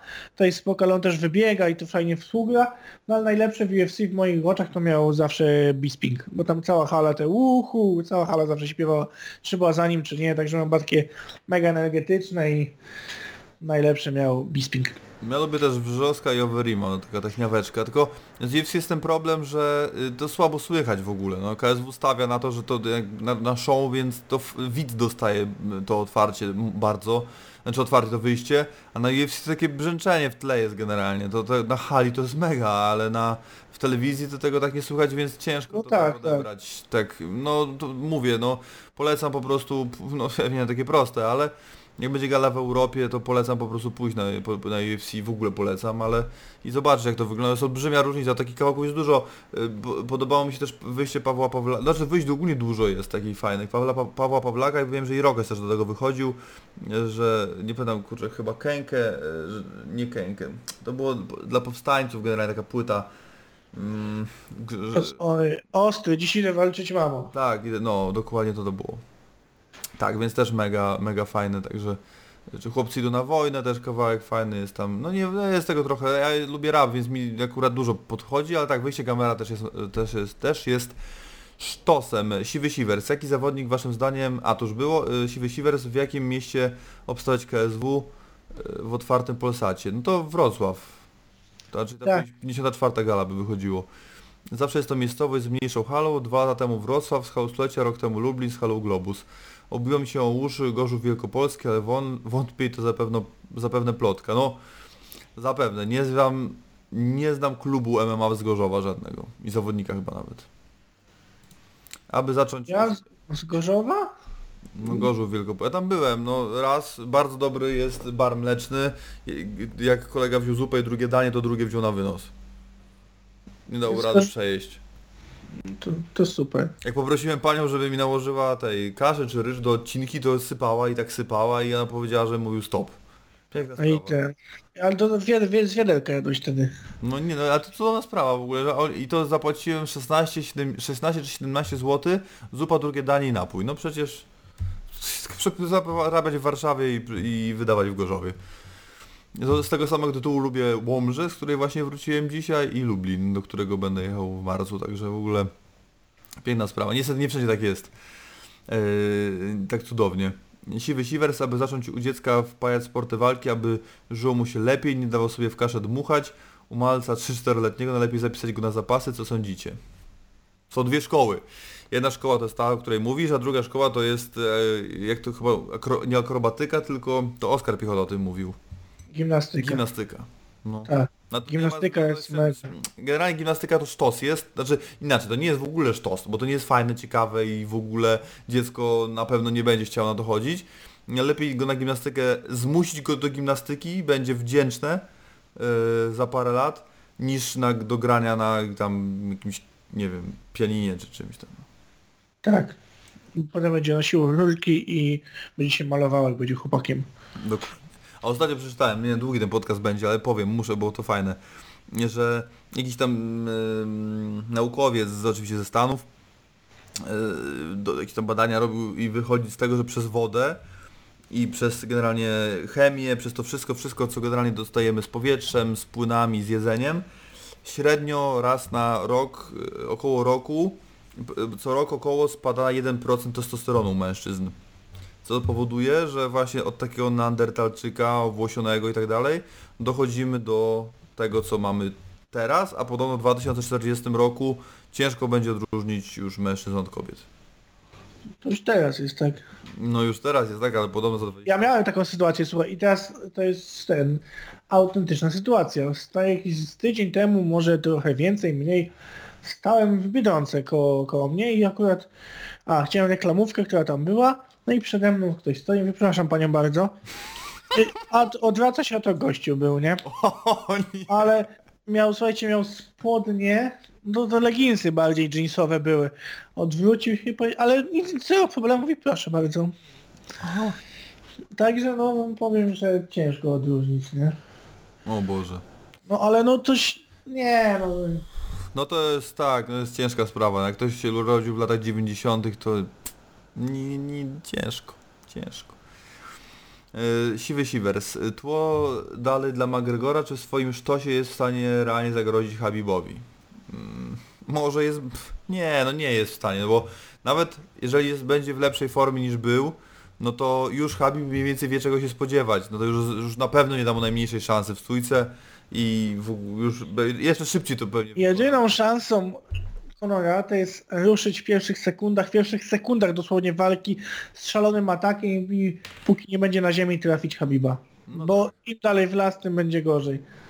Habib no Conor nie odrobi, nie wiem, musiałby trenować, zamknąć się chyba, nie wiem, w piwnicy i 3 lata non-stop, non-stop wałkować zapasy. Tylko i wyłącznie te zapasy, zapasy, to może byłby w stanie tam połowę wybronić.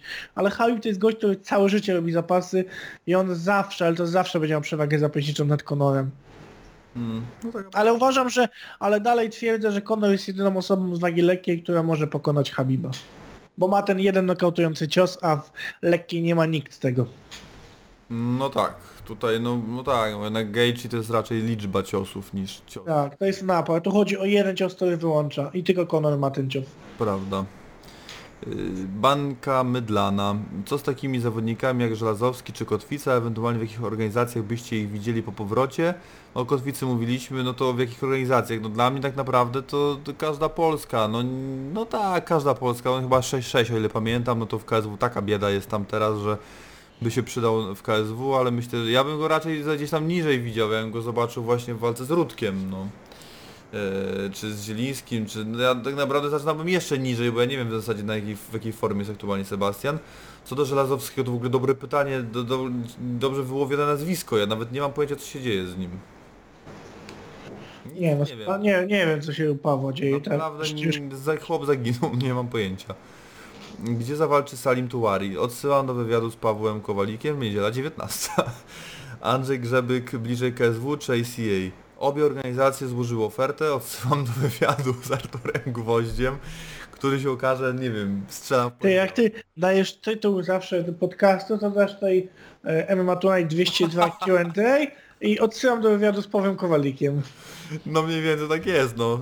Jak się pytają, pytacie zawodników tych trzech menadżerów, czy trzech w sensie Artura Gwoździa, Artura Staszewskiego i Pawła Kowalika, no to ja już zazwyczaj z nimi rozmawiałem przed kamerą niedawno, no to będę tak odsyłał, no ale akurat Pawłem jest ten wywiad taki na topie, no, czy jeszcze nie opublikowany.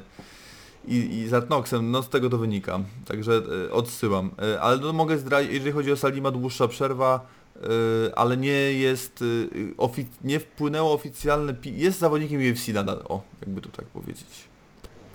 Jakby nie został zdjęty z, test, z usady, z dziennic, z tego wszystkiego, więc jakby nie jest oficjalnie zwolniony. E, Bańka Mydlana, Mariusz kiedy jakiś wywiad z Marcinem wiedzie? Do, do, dobre pytanie, no. Dobre pytanie niestety, ale nie umiem na nie odpowiedzieć. Ale nie wiem czy z Martinem, natomiast no mogę obiecać, że będę starał się w lutym, e, no w tym tygodniu może nawet po prostu spotkać się z jednym z przedstawicieli KSW, z trójki, nie wiem kto to będzie, ale taki mam plan, ja. Na razie jeszcze nie wdrożyłem go w życie, będę informował na bieżąco. Tie with Pictures. Ile zarabia sparring partner, który pomaga w przygotowaniach? Czy ma on płacone od minuty, rundy, dniówki czy miesięcznie? Dlaczego nie widać nigdy pani redaktor? A, no to drugie pytanie. No to to pierwsze. To ty będziesz wiedział więcej chyba na ten temat. Kwestia indywidualna tak naprawdę, no. Jak już z innego miasta, no to tam coś liczy za sesję treningową bardziej, na sesji może być, nie wiem, od 3 do 5 do 10 rund, także no, no kwestia kto ile zarabia, no też zawodnicy, którzy nie wiem, zarabiają, są debiutantami, to raczej nie wydają na sparring partnerów, kwestia dogadania, znajomi, znajomych z innych miast przyjeżdżają i najwyżej jak on będzie się przygotował, to ja pojadę do niego. Tak to wygląda. Ale nie są to wielkie kwoty, także bardziej nie wiem ile za sesję, około kilku, nie wiem, z 200-300 zł czas, czasami ja słyszałem o takich sumach już takich wyższych, ale no to nie jest jak w Stanach, że tam nie wiem, dziesiątki tysięcy dolarów za obóz, że sparring partner przyjeżdża i mieszka, nie wiem, dwa tygodnie u, u gościa i żyje z tego przez dwa tygodnie. To są raczej, w Polsce to jest mało popularne dosyć i raczej to są malutkie stawki. Bardziej na zasadzie ty mi pomożesz, a ja tobie kiedyś. No to jest właśnie, znaczy, a często to w ogóle jest tak, że po prostu zawodnicy przyjeżdżają na sparingi do jakiegoś klubu na dwa tygodnie, ale wtedy zyskują obie strony i to w ogóle się nie płaci za to. No. No dokładnie, to też w wielu przypadkach tak właśnie jest. I tyle. No, tylko nocleg, kwestia noclegu chyba, no a wyżywienie, no tak jak wyżywienie, no to jak jesz, płacisz za jedzenie u siebie, płacisz u jedzenie gdzieś, za jedzenie gdzieś indziej, no więc jakby to tyle. Nie, Dlaczego nie widać nigdy pani redaktor, która przeprowadza wywiady, nie widać jej twarzy, a tylko głos? No, każdy ma swój styl prowadzenia wywiadów. No, Martynie jest lepiej prowadzić wywiady za kamery. Ja na przykład, to jest ciekawostka, ale ja nie potrafię robić wywiadów za kamerą. Źle się czuję, nie wiem z czego to wynika, nie umiem się odnaleźć, gubię się. Masz ciśnienie, bo ty jesteś no taki może, właśnie. może tak być, no nie wiem. ale Palcie na szkołę. Robiłem kiedyś wywiad, to zaczął, pierwszy raz miałem taką styczność z e, na UFC w Gdańsku chyba, z Oskarem Piechotą chyba robiłem wywiad i za kamerą nie wiedziałem w ogóle jakby, nie wiedziałem jak zacząć w ogóle wywiad, nie, zwykle zaczynam tak jak zawsze, jak wiecie, a nie potrafiłem w ogóle się odnaleźć, źle się czuję, też z Mateuszem Borkiem roz, robiłem kiedyś wywiad na premierze Underdoga, E, fatalnie się czuję, nieźle się w ogóle nie mogę odnaleźć, nie nie wiem, może to jest wynika z tego o czym mówisz, ale po prostu nie umiem tego wyjaśnić, ale nie robię takich wywiadów nie muszę. Czasami sytuacja tego wymaga, bo warunki pomieszczeniowe nazwijmy to. A Martyna lepiej się czuje po prostu za kamerą, tak, yy, tak ma, jest, czuje się swobodniej, nie zastanawia się czy jej, wiesz, kobiety sprawy, że włosy w to, włosy w tamto, nie musi też, no wywiad, wiesz, ładnie wygląda, się trzeba umalować, a tak to może się nie umalować i tak zrobi ten wywiad. Na przykład, no takie podaję jakby takie prozaiczne rzeczy. Tak jest jej wygodniej. No, Pauli jest wygodniej przed, yy, Martynie jest wygodniej za. Każdy ma swój styl prowadzenia wywiadów. W ogóle to jest też ważne w tym wszystkim, że w sumie wywiady to się zawsze prowadziło za kamery, no jakby one te tak zwane setki czy coś, no jakby telewizja się opiera na, na wywiadach za kamery. Ale no to się zmienia, no każdy ma do tego jakieś indywidualne podejście. Martyna wybrała właśnie E, Właśnie takie. Czy MMA Talk Show będzie regularnie wypuszczany? Jak tak, to kiedy? No plan ogólnie jest taki, że był jeden odcinek co dwa tygodnie, we wtorki o 19. Taki jest plan założony. Nie zawsze będzie się udało go realizować, więc ogólnie plan jest taki, żeby były dwa odcinki miesięcznie. No a w jakich odstępach one będą ciężko powiedzieć. Raz będzie tydzień, raz będą trzy tygodnie, więc no jakby nie umiem zagwarantować. Aktualnie jest tak, że sprzęt, y, y, z którego kręcimy, no już jest, ale aktualnie został jeden z aparatów, ten najważniejszy, został oddany do se- serwisu.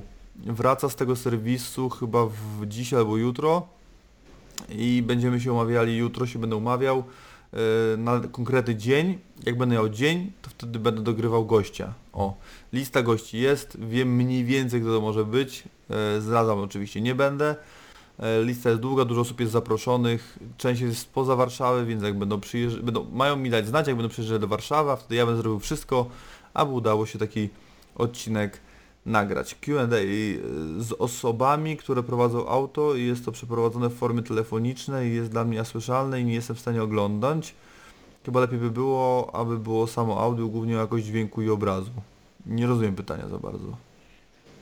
Nie wiem. Q&A Ja z osobami, które prowadzą auto, jest to przeprowadzone w formie telefonicznej, jest dla... ja nie, nie robimy nic takiego. Nie, nie jestem w aucie, jestem w pokoju. Tak jest, więc tutaj to chyba nie do nas. Golden Boy, luźne pytanko. Jak myślicie, kto jest lepiej wyszkolony w walce wręcz? Topowy zawodnik MMA czy komandos sił specjalnych z 20-letnim doświadczeniem? No To zależy czy, w dżungli, czy w klatce. Tak jest. No to, yy, znaczy ogólnie to mi się w ogóle wydaje, że jednak ten zawodnik MMA.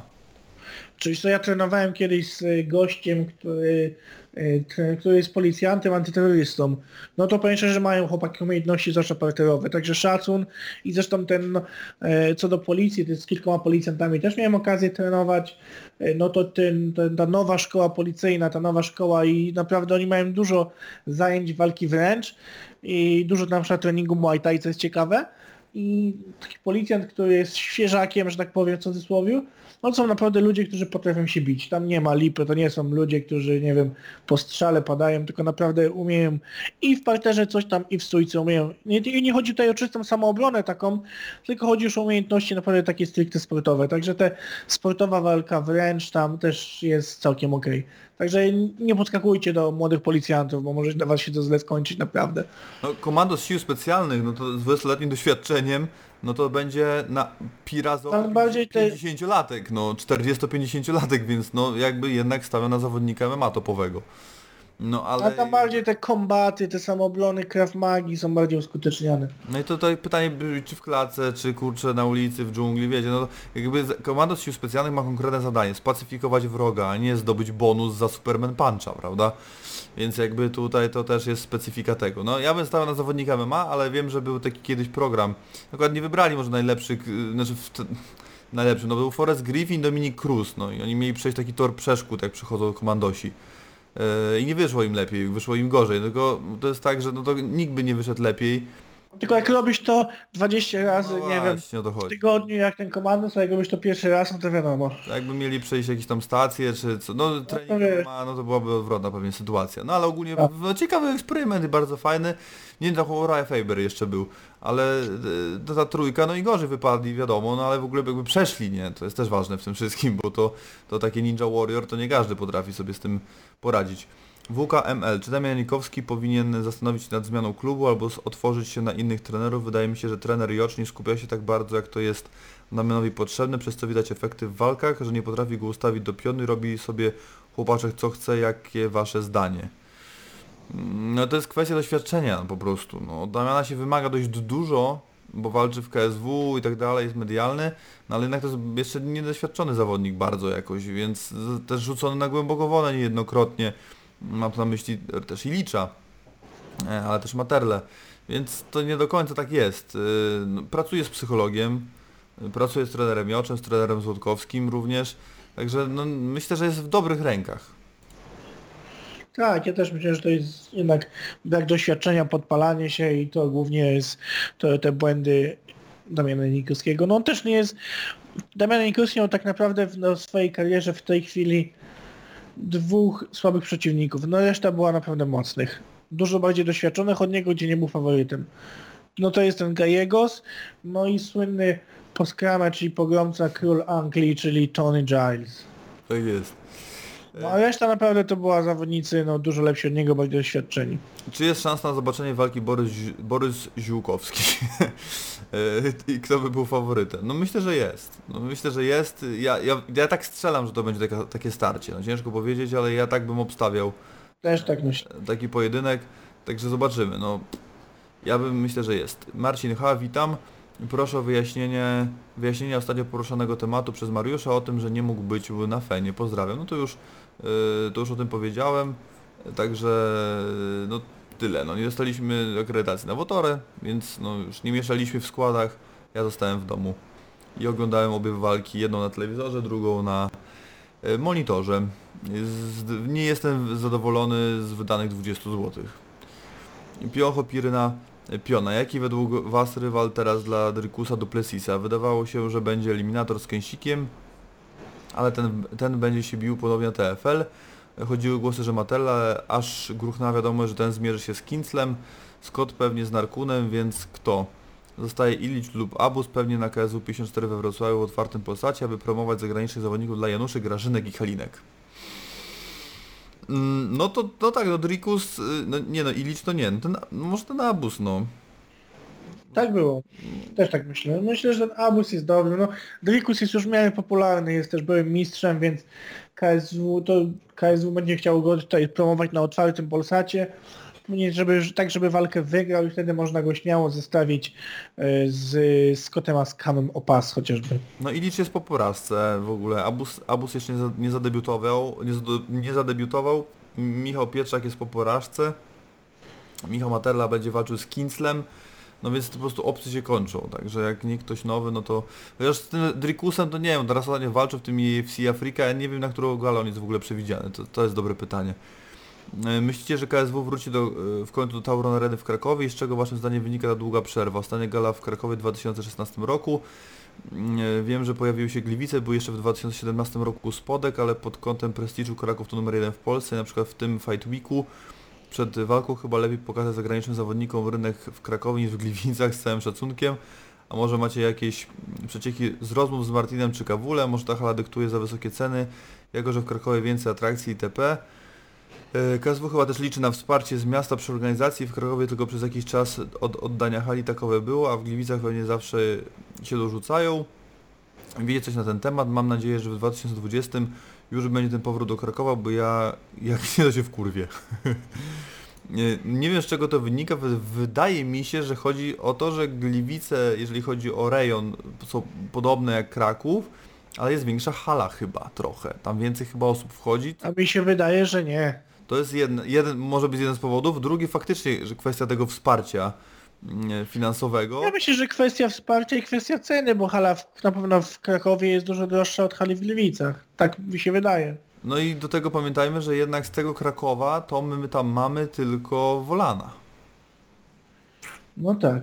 No Tutaj kwestia też podejrzewam ceny, no Kraków jednak droższym miastem jest i No w tak. Krakowie jest tyle atrakcji, że miasto nie musi dokładać, żeby się promować, bo Kraków i tak jest turystycznie chyba w Polsce miastem, gdzie najwięcej turystów odwiedza, więc myślę, że ten Kraków bez KSW i tak się obędzie i tak turyści będą, to nie jest reklama dla miasta, natomiast takie, dla takich Gliwic, no z całym szacunkiem, no to te Gliwice nie są jakąś turystyczną mekką i dla, dla Gliwic na pewno jest reklama w postaci, w postaci Nie no tutaj w ogóle to jeżeli chodzi o tą infrastrukturę pod każdym względem, no to nie no Gliwice, Gliwice, gdzie Kraków, w ogóle nie ta liga, jakby ja nic nie mam do Gliwic, ale Katowice super. Yy, wiele miast, ale no Gliwice no niestety nie, no to nie jest w ogóle, nie da się tego porównać. Więc tak ogólnie się zgadzam z tym co piszesz, ale mi się też, też coś kiedyś słyszałem, nie wiem czy to plotka, czy prawda, ale jakieś tam są, może ze względu na to dofinansowanie lub jego brak przede wszystkim, ale jakieś takie nie dogadują się generalnie z y, KSW z tymi władzami miasta w Krakowie chyba. Yy, Kolejne pytanie od Piocho Piryny Piony. Jak myślicie, że będą dymy na gali w Łodzi? Szulakowski jest kibicem, yy, Szymuszowski chyba, jest kibicem Widzewa, a Kopera ŁKS-u i parę lat temu, który z właścicieli KSW mówi, że nie stają ich ze względu, że nie chcą podstać chorych akcji. A teraz Wojek chyba o tym zapomniał i co prawda nie biją się ze sobą, ale na innej gali to w Łodzi, więc na trybunach może być nawalanka. No jeżeli nie biją się ze sobą, no to jakby ten czynnik, yy, pierwszy czynnik został wyeliminowany. No ale rozumiem, jakby rozumiem ogólnie mm, tor myślenia. No to w sumie to czas pokaże, no nie wiem. No powiem szczerze, że no ciekawe, nie, nie myślałem o tym, nawet nie pomyślałem szczerze mówiąc, no, no wydaje mi się, że jeśli są zestawieni, to sytuacja jest w cudzysłowie opanowana i może tam kwestia dogadania, no ciężko mi też stwierdzić, ale wydaje mi się, że nie będzie dymów. Tutaj bardziej bym się zastanawiał, trochę w drugą stronę bym poszedł. E, Szymuszowski zawalczy z Odzimkowskim. E, Nie wiem jaki tam, czy Albert ma jakieś, jakiś tam ruchu kibicowskim kiedyś Radomiaka e, startował, ale to to, tu bym szukał wśród jego kibiców, a ma ich bardzo wielu i bardzo wielu ich przyjedzie, bo nie ma daleko. Myślę, że jest sporo osób, którzy, które kibicują na temu klubowi, więc nie wiem jakie są relacje między klubami w ogóle, więc się nie znam. Wiem kto się z kim na pewno nie lubi, a, ale e, kilka wiem oczywiście. Nikt nie lubi Legii ogólnie, ale tak to nie no, no proste, no. Tak to niestety wygląda. No ale to nie, nie, nie, nie wiem, to, to myślę, mam nadzieję, może bardziej tak, że się nic nie stanie. No bądźmy dobrej myśli. E, Kolejne pytanie od Pioncho Piryny. E, Piony też Was drażni, że w ostatnich latach KSW jest tak przewidywalne z terminami, lokalizacjami gal. To znaczy wiadomo, że marzec, kwiecień, maj, potem wrzesień, listopad, grudzień, no i ciągle ta Łódź, Jergo i Wyspy, teraz doszła Kroatia. Wiem, że w sumie logiczne, że Ergo jest, jak jest ciepło, ale ileż można rok w rok, można by trochę pomieszać terminami. Nie sądzicie? Yy, No ale to, no tak, tylko nie jest, to nie jest do końca tak, bo na logikę to jest biznes. No jaki sens byłoby robić w Gliwicach walkę w czerwcu, no, galę w czerwcu, no. Nie jest. Ja spędziłem na Śląsku 5 tygodni, yy, z, jedną nocą w domu, takie 6 dni na delegacji, przez 5 tygodni na Śląsk cały zjeździłem i nie uważam, że to jest najlepszy kurort y, jeżeli chodzi o ciepłe miesiące. No jeżeli jest neutralny, tylko no dużo chętniej jak zapytasz 100 osób, 100, gdzie chcą spędzić czas w maju, czy w Gdańsku, czy w Gliwicach, to wszyscy wybiorą Gdańsk. Ja bym wziął Gliwice, bo Gdańsk mam blisko i bywam w miarę regularnie. Także obył, trochę mi się obył. Jest, Ale widzisz? są lokalizacje oczywiście, y, które by się nadawały lepiej. Struda, nie, Olsztyn, super. Tylko Ostruda jest piękna, polecam. chodzi o halę, no tylko i wyłącznie o to. Więc jeżeli mamy Atlas i mamy Ergo i mamy Tauron i tą arenę w Gliwicach, teraz no już temat prze, prze, przewinęliśmy, no to no, zawsze się będą obracali przed, między największymi halami, żeby jak najwięcej zarabiać na biletach. No jest normalne. Wiecie, to też sprawdzone miejsca, to duże hale, muszą w duże hale wypełnić i to, to są sprawdzone miejsca, gdzie już terminy są bukowane na rok do przodu, podejrzewam i to z tego wynika. No gdyby, słuchajcie, gdyby na przykład, nie wiem, w Poznaniu, czy Olsztynie, czy Warszawie była wielka hala, to myślę, że regularnie tam byłyby gale. Tak, no. Ale tych hal niestety nie ma, więc no w Polsce tych 15 tysięczników jest 3 czy 4, no i wiadomo, że tam będą gale.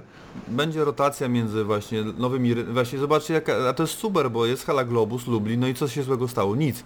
Cztery gale w rok w Lublinie, dzięki temu, że KSW tam weszło. I to jest super. I Szczecin otworzył FEN z kolei i nie wyobrażam sobie, żeby KSW ominęło Szczecin w, w tym, czy w ogóle w przyszłym roku, to na pewno. Przez to samograj i tam można gra, zrobić galę w otwartym Polsacie. Wrocław tak samo, to jest, to, to jest jest ta sama sytuacja.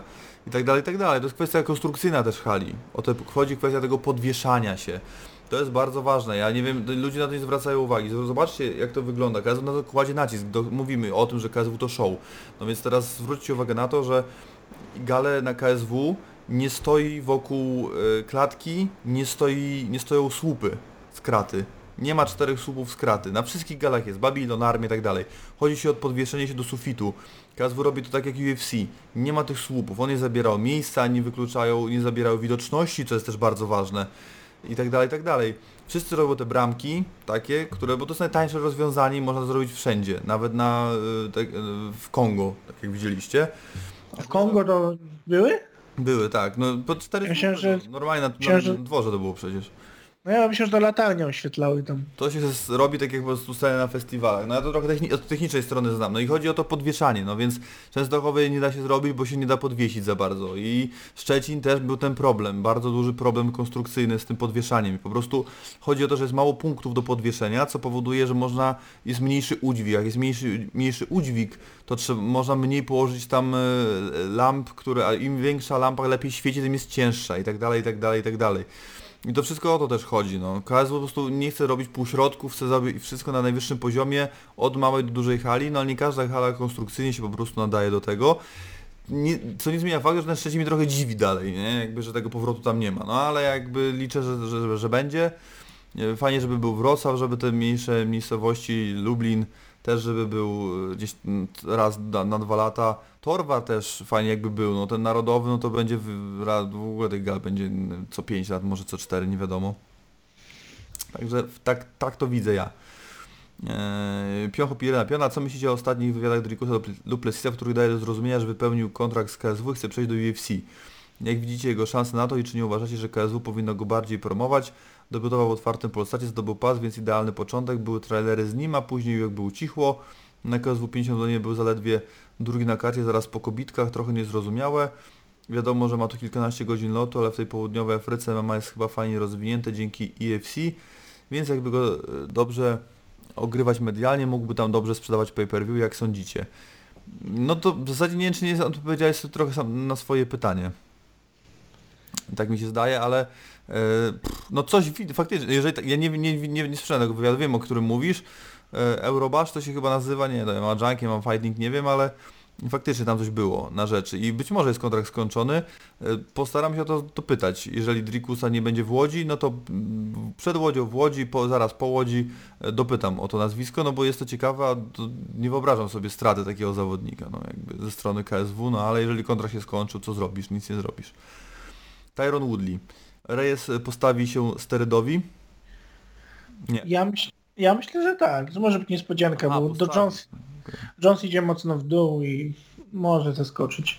Jak typujecie rewanż Hollowaya z Wolkanowskim i trylogię DC z Miocic?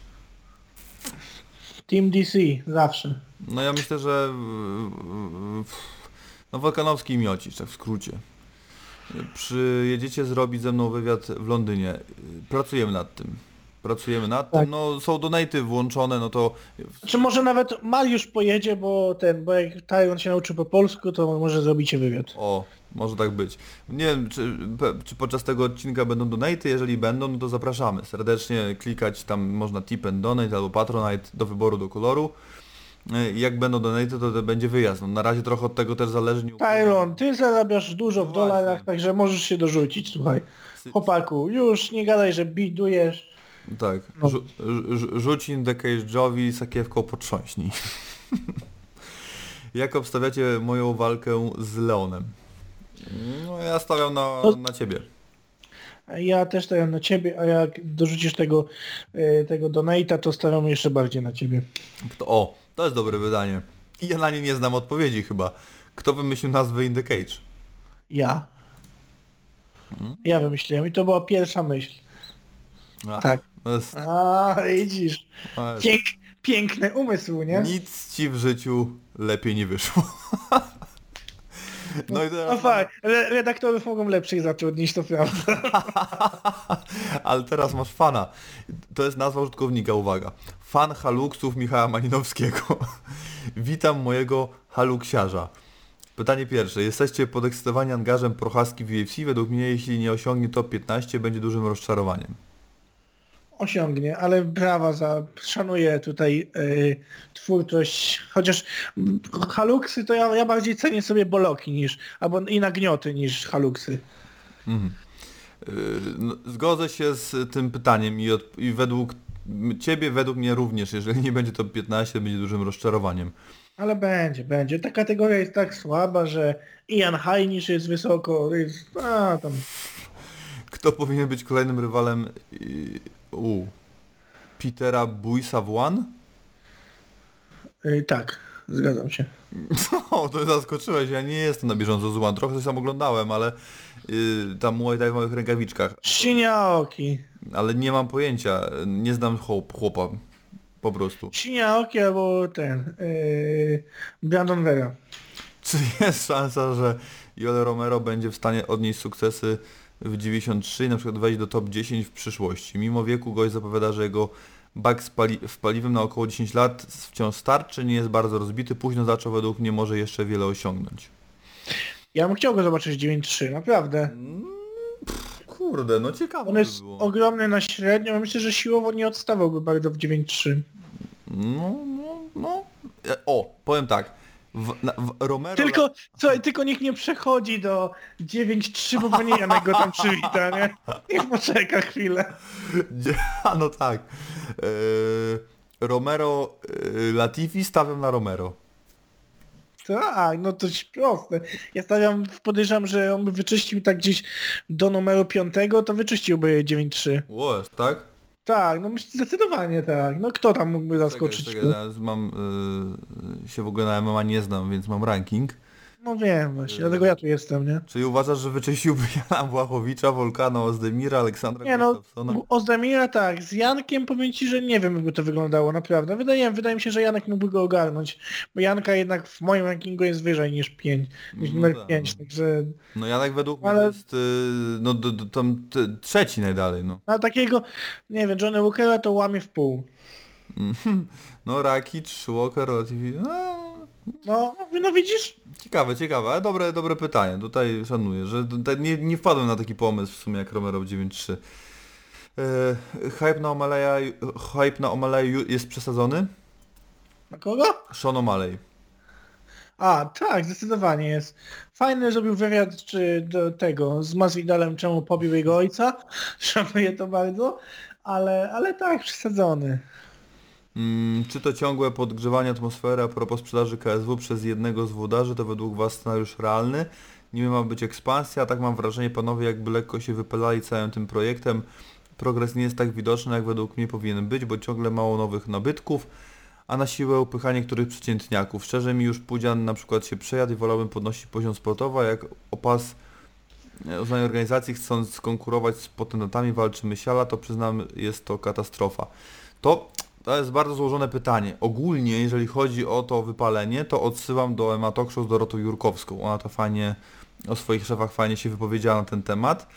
Yy, To jest to, no ekspansja trwa, w najlepsze i to z sukcesami. Znaczy mam na myśli oczywiście rynek chorwacki, dalej trzymam kciuki za Czechy. Mm, yy, No co do Pudziana, no to kurczę tak, tylko że Pudzian mm, dalej jest ważny z y, punktu widzenia niedzielnego fana. On jest, my już nie musimy się nim ekscytować, miejsce na karcie być może mieć wysokie, ale on jest dalej ważny. Dla KSW Tak. i ogólnie dla MMA mi się wydaje jest dalej ważny. Mamet już nie jest tak ważny. Ma, ma Ja twierdzę, że Mariusz niedługo odejdzie i zobaczymy wtedy co, co ja, ja tutaj myślę, że to może być bardzo złe dla polskiego rynku. może tak być. Bo bez Mariusza może być naprawdę strasznie ciężko i my za, my za tym Pudzianem zatęsknimy szybciej niż myślimy. To, to jest prawda. Już za Różalem jak ludzie tęsknią, ale to nie jest mm, w ogóle nie ta, nie ta liga, że tak to nazwę. No wiadomo, że ludzie, którzy się znają, no to wiedzą, no Różal e, wygrał i jest jakby lepszym sportowcem i zawodnikiem i okej, tylko że no no nie, no nie, no jakby Różal walczy teraz w Ameryce Express będzie, on walczy o nie wiem, 30-40% tego, co Mariusz ma od 10 lat już. Jakby różnica popularności tych dwóch postaci jest, a już widzimy co jest z Marcinem, jaki jest na niego ssanie, e, mimo że ma 41 lat i to sama sytuacja jest z Mariuszem, Mar Michał bardzo dobrze mówi, E, także no, Mameda odejścia bym się tak nie bał jak Mariusza, zdecydowanie. E, Szymon Chłecki też nie jest najmłodszym zawodnikiem, to jest jeszcze 3-4 walki, oni go w ogóle nie budują na zawodnika jak takiego, mm, z tego co mi się wydaje, znaczy z tego co zrozumiałem z tego wywiadu naszego wczorajszego, to jego rywalem będzie Juras, no więc to jest taki też inny tor znów, to był Erko, tu coś, e, więc też e, nie Erko, tylko mm, Damian Janikowski, to wszystko jest takie marketingowe zestawienie. Damian Janikowski, to jest duża nadzieja w tym wszystkim, a dalej do, do Pudziana to pff, jeszcze mnóstwo czasu. No, olbrzymim strzałem byłby Artur Szpilka, tylko on nie wiem czy ma taką rzeszę fanów, e, że, że, procentowo do hejterów i czy to byłby dobry zabieg. Nie wiem kto by zastąpił Pudziana, może się go nie da zastąpić w ogóle, no. I to jest problem. To musi być ktoś, kto po prostu nie ma, bliżej 30. Nie, no nie ma, nie ma takiego. Artur nie ma, Szpilka no. nie ma takiego fanbase jak Pudzian. Wiesz co, to, to musiał być, no nie wiem, no Adam Małysz. No to musiałby być 30-letni, No tak, Andrzej, to jest- 30-letni Andrzej Gołota, no. No to jest, nie wiem, no Pudzian jest naprawdę turbo popularny w Polsce, na świecie, więc no, A co no do nie, nie ma takiego. Co do, y, a to myślała to kwestia kategorii wagowej, to ja, czy ja bym w ogóle Przem, Przemka dał mu szansę, jakby y, poczekał do walki z Erslanem, ale ogólnie, tak jak mówię, no to jest lipa w kategorii półciężkiej. No tu rozmawiamy o tym, że Romero oczywiście numer 5, no to już samo za siebie mówi, no, że to jest problem na całym świecie. E, Ale pamiętajmy cały czas, ja będę o to jak mantrę wspominał, te nazwiska jak Dricus Duplessis, Roberto Soldis, Saladin Parnas, nawet Norman Park, e, Philip Page, e, no choćby nawet Ivan Reslan, e, Daniel Torres, kto tam jeszcze taki z tych, z- z- Scott Askam, który był skazany, no mnóstwo zawodników generalnie miało w ogóle się pożegnać z organizacją w pierwszej walce, a na końcu zostali mistrzami, Phil de Free. Także to są naprawdę dobre nazwiska i, i, i uważam, że świetnie są, że dużo jest olbrzymi postęp w wynalazywaniu w ogóle e, postaci w KSW. Każdy, o, Szamil Musajew, każde nazwisko, które się zjawia z zagranicy, to już, to już na nie każdego trzeba dać mu, dać mu zadebiutować, nim się na nim postawi e, krzyżyk. Mm, I to były wszystkie pytania od e, fan Haluksów Michała Malinowskiego i już końcóweczkę mamy Kitka Kawulskiego. O kurde, no to teraz dał nam na koniec. Wymień prze, pięciu przehypowanych zawodników KSW. Przehajpowanych. Może się teraz zastanowić. Ona się zejdzie. Czekaj, czekaj, czekaj, czekaj, daj mi chwilę. No Tony Giles możemy, to czy to nie możemy? Nie możemy. Nie, to jest talent. Nie, to... Yy, pięciu... O to się cofnąć muszę chyba. Ale przychy... No ale to właśnie, że taki, w sensie coś na zasadzie brazylijskiego... Przehajpowani to bardziej kiedyś byli niż Ale w teraz. sensie chodzi o takiego brazylijski król knockoutu? O to taki temat. Czy... Fernando Rodriguez. To Fernando Rodriguez. jeden. No to to mi przychodzi, no przyhypowany na pewno, no. Yy... Że miał wejść... A, no to jak? No to już wiem. Tomasz Drwal. Michał Kita. No przykro mi, no ale... Mieli wejść, zamieść. No tutaj... No, nie są ogólnie przehypowanymi zawodnikami, no ale w KSW, no od KSW się odbili, to tak może w to, nie wiem, to, to pasuje, to, no, to nie, to, mi to nie pasuje, znaczy te dwa nazwiska nie pasują ze względu na to, że nie mógłbym ich postawić do jednej, do, na jednej linii z Sage'em Nordcatem, a Sage Nordcat jest przehypowanym zawodnikiem. Mm, Ale no, no, ale to tak w tą stronę bym y, No szukał. tam jeszcze był taki, czekaj. Mm. No Kamil Waluś chyba, nie? No, no, spodziewaliśmy się po Kamilu czegoś więcej. No nie wiem, ale był taki hype na niego, nie? Było coś takiego, że Ale to bardziej KSW na niego stawiało tam. No. może, może. Paweł Słowiński to nie, chyba nie było na niego hype'u nigdy. Nie no, to, to tam było.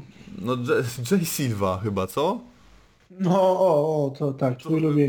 Bo mi słowo hype, no tak jak mówię, do kwity i drwala w ogóle mi nie pasuje, to przehypowanie, słowo przehypowany. W kontekście KSW trochę inaczej to wtedy można było układać. No ale to już myślę, że, że, że wyszło z pięć, ale to przyjdzie na, na pewno jeszcze do głowy.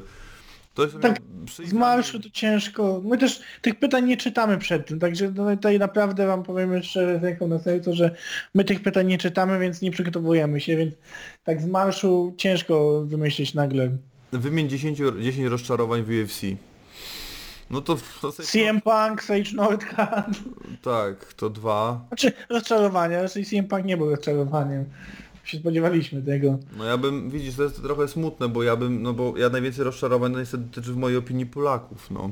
No tak, no Nie dużo. chciałbym to po prostu teraz już tu nazwiskami rzucać, no bo nie jest, nie jest to potrzebne też. E, ale ja nie, kon- nie koncentruję się na wyhypowanych za, na, zawodnikach, którzy w Stanach po prostu gdzieś tam byli pompowani, przyszli się odbili od UFC. Nie zwracam uwagi, no jak odpada jakiś debiutant, to odpada. Ja nie wiem, co on tam się działo z nim dalej. Nie da rady tego wszystkiego po prostu pamiętać. Ale rozczarowań, no to rozczarowałem się no, walką Rondy z Holm na pewno byłem rozczarowany. Trochę Cyborg z Nunes byłem rozczarowany. Nie, trochę Garbrantem e, z Cruzem, no konkretnymi walkami, no nie mogę tak, że zawodnikami, nie, więc kon- konkretnymi walkami, że aż tak, tak się potoczyły. No z Andersonem Silva podejściem jego byłem rozczarowany. No jest tego, trochę jest, no to z- 10 to nie znajdę, no ale to no Holly Holm byłem rozczarowany po tym jak wygrała z Rondą się okazało, że to nic dalej z tego nie ma. To tym y, y, Antony Petisem rozczarowany, bo robili z niego gwiazdę i się nie udało. Więc to na pewno. No, y, p, p, p,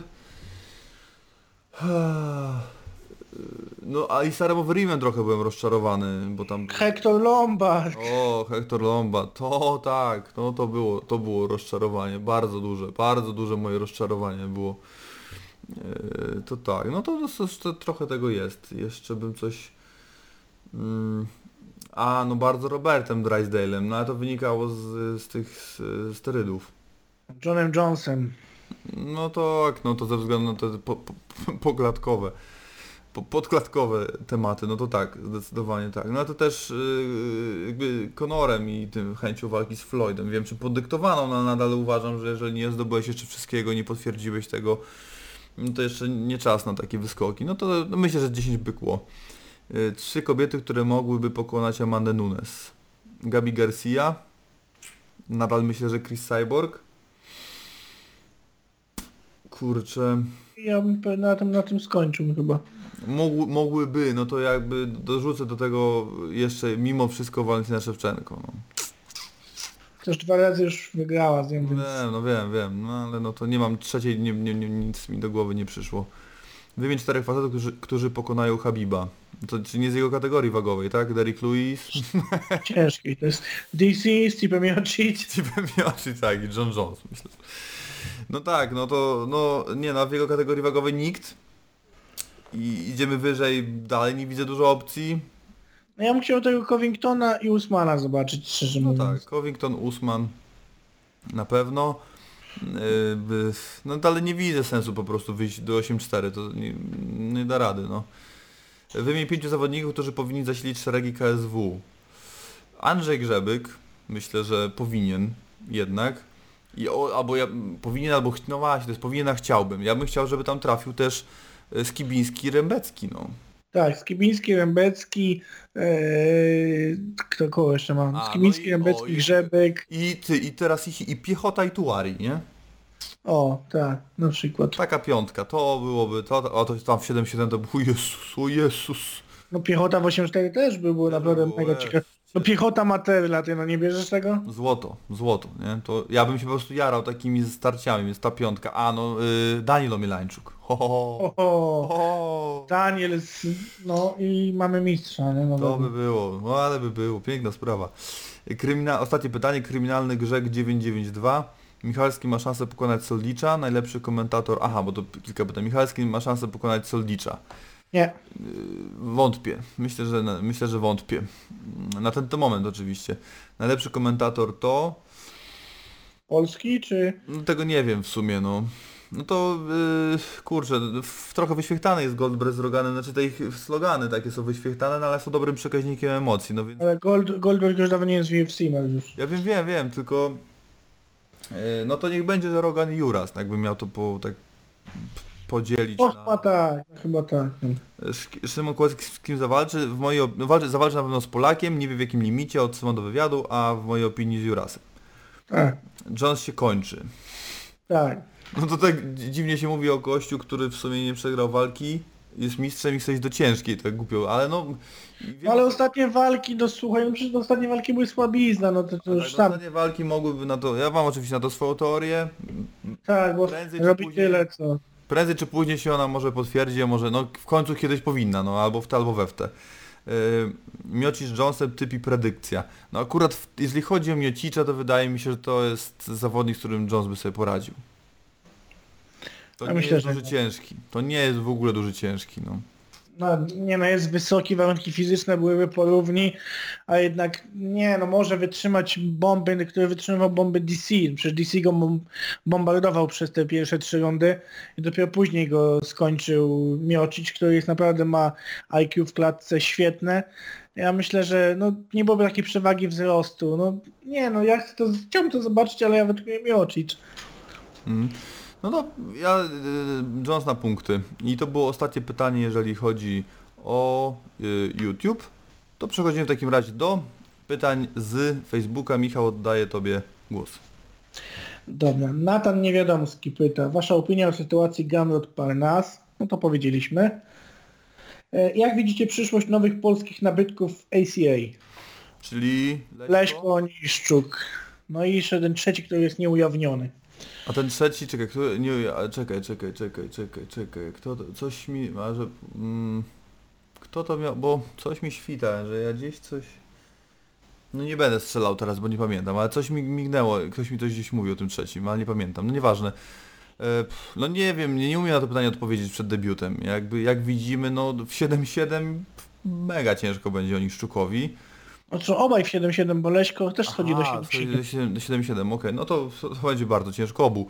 E, pff, No, no minimalne może szanse nawet Leśko daje większe chyba, ale to nie, nie, nie chcę w ogóle tak, bo to ja chcę poczekać na debiuty, ponieważ oni mogą im dać rywali też debiutantów i wtedy i oni ich zmiotą, no i się okaże, że wcale nie było ciężko, a mogą im dać jakiś tam, wyciągnąć im tam z rankingu jakiegoś, jakichś lepszych i będzie problem. Także ja poczekam, to tak jak w przypadku UFC jednak na debiut, nie, ale są to dobrzy zawodnicy, naprawdę są dobrzy zawodnicy, więc no dla, dla, dla obu będzie to test. No, będą mieli tam najtrudniejsze walki w swojej karierze z pewnością. Ja jestem ciekaw bardziej e, Kamila, no bo jak jest niepokonany, e, jest zawodnikiem w cudzysłowie kontrowersyjnym, umie się sprzedać, więc no jestem po prostu ciekaw jego osoby, bo nie walczył jeszcze z takim zawodnikiem mega topowym, a chciałbym go zobaczyć. No jak na razie nie możemy powiedzieć nic złego, bo jednak wszystkie te swoje walki wygrał, więc no ciekawe wyzwania przed nim w tym ACA i na pewno chcę to zobaczyć.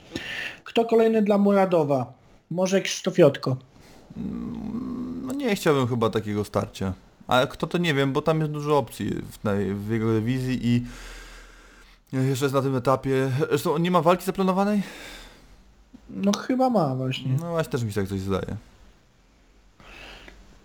Paweł Krzesimir Podkański. Co sądzicie? Czekaj, czekaj, nie A, przeczytaj dalej. No Wasze... jeszcze jedno pytanie, tak. Wasze typy, jakie mogą zostać dodane do rozpiski kolejnego KSW? A to za dużo tego, bo tam są ogłoszone tylko trzy walki. Trzy walki i trzech zawodników czeka na rywali. Soldicz, Pudzian, Bedorf. No zostanie ten Materla z Kinslem. Aha, no to, to Wiemy o tym. To No 7. podejrzewam, że jeszcze jakaś waga ciężka wpadnie. Być może ten Michał Włodarek właśnie. Albo, albo na Wrocław, O, albo na ale Łódź. mamy y, breaking. Nie będzie Karolina Owczarz na tej gali. A, Taki breaking. No. no to, I Marcina Brzoska też nie będzie. no to niesamowite. No niesamowite. Ale no, ktoś we wstępną musi chyba jeszcze wejść. Znaczy rozumiem, że Szymuszowski pewnie wstępną zawita. Sebastian Przybysz na pewno rozpoczął przygotowania, nie wiem czy na Wrocław, czy, czy na Łódź, ale wiem, że Sebastian na pewno wystąpi, Krystian Kaszubowski też na tych dwóch galach, tylko nie wiem kto, kto gdzie. Mhm. Może, może na jednej zawalczą. No ja bym zobaczył... Y... Aha, no też wiem, że nikt... Przybysz Stasiak pewnie będzie, no stawiam na Łódź jednak, no bo tu Damiana Stasiaka u niego w mieście myślę, że zawalczy, no i z Sebastianem Przybyszem, bo o tej walce się mówi, więc myślę, że tą walkę zobaczymy. Jest, problem polega na tym, że ten nas, możemy zrobić fantasy matchmaking, ale potem się okaże, że połowa jest na kolejnej gali, ponieważ jest różnica miesiąca chyba około Więc y, Ja myślę też, no, ciężko no. w- za krótki okres między galami, żeby wyrokować, kto dokładnie będzie na tej. No. Ja myślę, że Maciek Kazieczko zawalczy w karcie głównej gali we Wrocławiu. I to będzie w otwartym Polsacie, żeby powoli Maćka budować medialnie też. Tak, dobry pomysł. Mogliby go rzucić na Musajewa. Też możliwe. No, nie, nie, nie zdziwiłbym się, gdyby tak było, a wtedy może już nie być. No to no, chyba tyle, no bo nie wiem, co jeszcze możemy dodać, co jeszcze, jakie Nie, tam... no bo to teraz już wyróżnienie z fusów jest, bo tak jak powiedziałem, to może się te, te walki mogą się, które my wymyślimy, mogą być również na jedną i na drugą galę. No. Dobra, no to lecimy dalej z pytaniami Pawła Krzysimira Podkańskiego. Co sądzicie o rozdzieleniu rankingu UFC pound for pound na żeński i męski? no nie wiem, mi się wydaje, że w ogóle chyba z klucza tak powinno być. No tak, no, no proste, no. Nie wiem jak można, jak mam Oczywiście, porównywać oczywiście. Walentinę do Jonesa, czy coś tam, nie wiem. Albo do Luisa do Miocicze, do Luisa do, nie wiem, do Holly Holm. Według Was wygrany Gamrot versus Parnas pójdzie do UFC, czy tylko Gamrot, a może Gamrot zostanie w UFC, skoro już się dogadali? No to też rozmawialiśmy o tej całej dyskusji, nie? No Tak jak mi się, jak, nie, no ja powiedziałem, nie, no, żeby odpowiadając na pytanie, w mojej opinii dojdzie do tej walki, jeżeli Mateusz wygra, zakończy kontrakt z KSW i pójdzie do UFC. No tak, Przewiduję dokładnie. scenariusz, tylko pytanie, czy wygra, to tego już nie wiem. Parnas nie pójdzie na razie do UFC, bo KSW go nie puści. Znaczy podejrzewam, że będą jak najdłużej chcieli go zostawić w organizacji, bo no, widzą, że jest na niego sanie. E, Z kim powinni się według Was zmierzyć Bayer, Kijańczuk i Dusza? To jest dobre pytanie. Znaczy Kijańczuk, aha, bo Kijańczuk nie będzie walczył z Kowalskim ani z Januszem na pewno. Y, Bayer na pewno nie będzie walczył z Pałaszem i z Sianosem. No mówiliśmy, że Kijańczuk mógł zawalczyć z Sudolskim na ostatniej gali, przecież się bili Tak? i to jest nie spoko. Dusza z Gniatkiem, bo też omawialiśmy, jak Fenom omawialiśmy. Tak, no to taki jest, no to wiadomo, ja rozumiem, że ten pomysł się może nie podobać, ale ja bym to zobaczył, mnie to tam nie obchodzi. Bajor z Babilonu zawodnikiem Łukaszem. Ojej, wypadło mi nazwisko. Brzeskim. Z Łukaszem Brzeskim, tak, tak. Nie, Albo z tym, tam był pomysł w ogóle to chyba, nie wiem czy to było, my w ogóle nie puściliśmy tego newsa, nie wiem dlaczego, a to będzie na podcast. Z Konstantin Głuchow dostał ofertę o, to nie wiedziałem. No to Paweł Jóźwiak mówił na live'ie na EMA Polska i Świat. No, to nie wiedziałem. Konstantin Głuchow dostał ofertę na Bajora i nie udało się. Cyril Gane w najbliższym pojedynku zmierzy się z Abdulrakimowem. Kogo typujecie w tej walce i czy myślicie, że Gane może być w przyszłości czołowym zawodnikiem wagi ciężkiej? Tak i tak. No, no, Abdulrakimow jest słabym zawodnikiem. Słaby. To nie jest to nie jest ten Rusek zabijaka, jak myślimy o Rusku, no to mówimy o, to na pewno jest kozak. No Szamil nie jest kozakiem.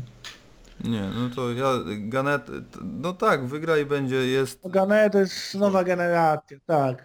Ma kondycję, ma naprawdę wszystko, więc ja jestem mega ciekaw jego. Od kiedy słucham MMA Tonight nie zdarzyło mi się, abym nie zadał pytania do Q&A. Od, do czasu ostatniego podcastu z pytaniami, czy zostanę skazany na 10 lat oglądania walki na Nganu kontra Luis? Nie, ale jest gorsza, e, e, gorsza rzecz niż Gun Louis, to jest e, burnejka ozdoba. Albo zdjęcia pijanej Amandy Nunes. Oj, no. To też grubo. Co sądzicie o walce Ryan Bader kontra Wadim Nemkow o pac wagi półciężkiej Bellatora? Nic takiego specjalnego nie, nie sądzę o tej walce. No. Bader przez knockout robi. A jakby jak typuję, to, to dla, łatwiej, to w, tak konkretnie to tak. No myślę, że Bader jednak.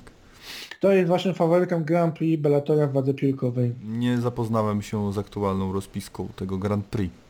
Ja też nie, ale myślę, że jak Pitbull wystartuje, to Pitbull wygra. Witam, fajny odcinek z Dorotą Jurkowską. Mariusz, jakich gości planujesz kolejnych? Chciałbym zobaczyć wywiad na przykład z żoną Martina Lewandowskiego, jak ona się zapatruje na to wszystko, co się wokół niego dzieje.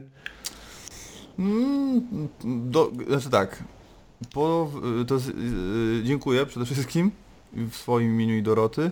E, ja bym, y, znaczy ten mm, odcinek pokazał mi kierunek, w którym powinienem iść zdecydowanie, natomiast nie jestem w stanie ze względu na ograniczoną liczbę osób e, też w Warszawie tego zrobić, e, bo to jest istotne, ponieważ osoby, które zawodnik gdzieś tam zawsze może przypadkiem być w Warszawie, a to sparingi, a to do biura jakiegoś, nie wiem, na przykład KSW przyjdzie, przyjedzie albo sponsor, zawsze gdzieś tam krąży.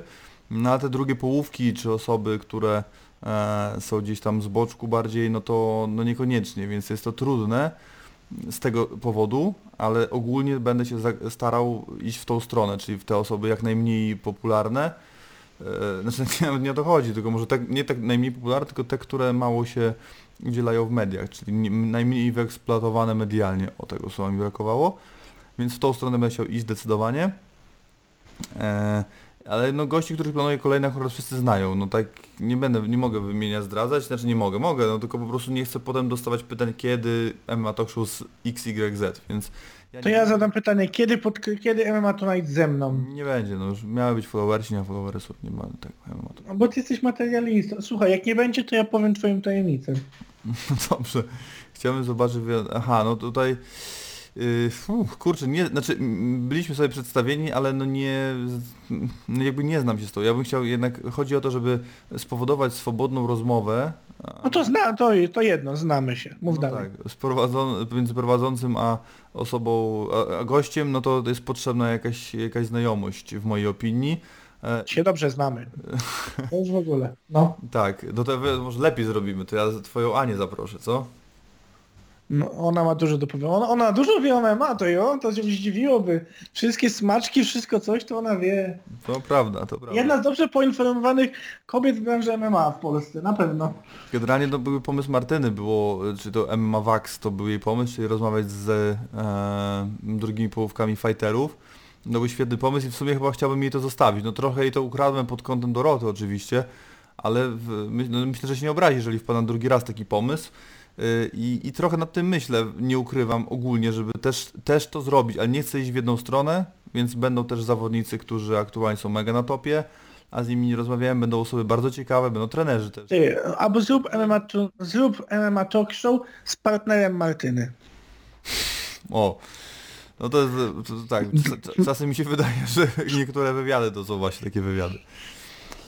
To są takie MMA talk show. Yy, no dawaj Dobra. dalej, dalej, no.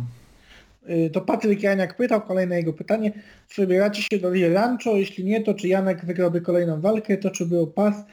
Y, To macie takie plany, albo dojeździć Vegas? Tak, mamy takie plany. To jest taki plan. Rio Rancho jest za szybko, za wcześnie, no i nie ukrywajmy, że też ta lokalizacja jest taka dość ekstrawagancka, ale taki jest A dokładnie... my chcemy Vegas, żeby iść do kasyna, że nam się zwrócił ten wyjazd też. Dokładnie. Ja jestem dobry w pokera, serio. Ja mogę, tylko nie tego pedalskiego tam Teksasa, tylko takiego normalnego polskiego przywódcę, nie? Pięć kart, jak jedziemy. Jestem naprawdę w to dobry. Także mogę im pokazać jak gra. Albo w oczko.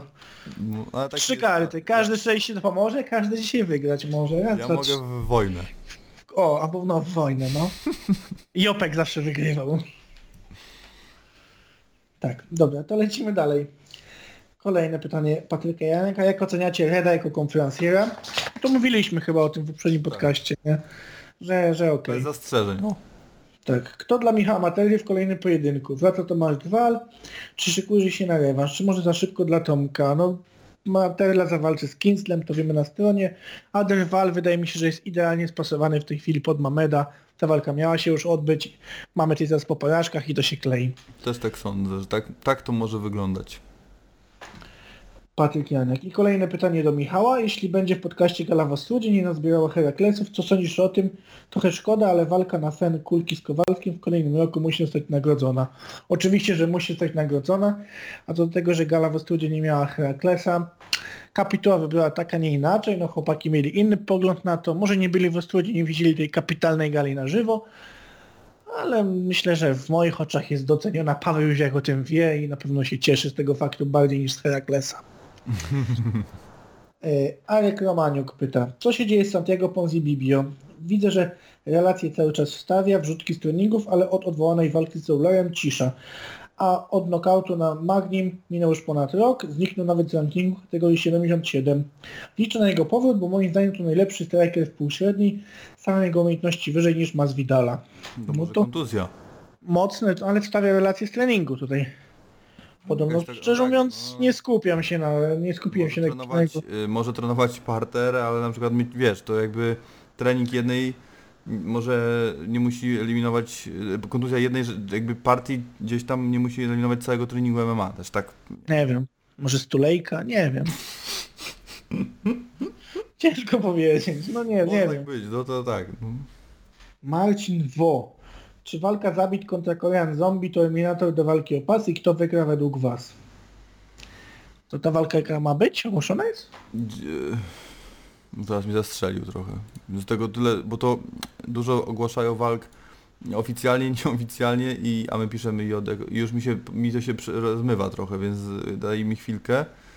Eee, ale no nie, nie przypominam sobie, żeby oficjalnie było. Ale jeśli tak było, no to ogień. No i jeśli ta walka miałaby wyłonić pretendenta, no to według mnie nic tak. Takiego, już Fight Matrix tw- nie, twierdzi, że nie. Ale ja bym taką walkę bym chciał zobaczyć, bo na pewno byłaby fajna dla oka. Patryk Kalinowski, to jest dobry zestaw pytań. Uważaj, to jest do ciebie głównie. Igor Pokrajacz, Zły Dotyk i Mariusz Olkiewicz. Co wydarzyło się w Zagrzebiu? Z detalami i bez cenzury. Ludzie mają prawo wiedzieć. No dobrze, więc to nie jest długa historia. W zasadzie.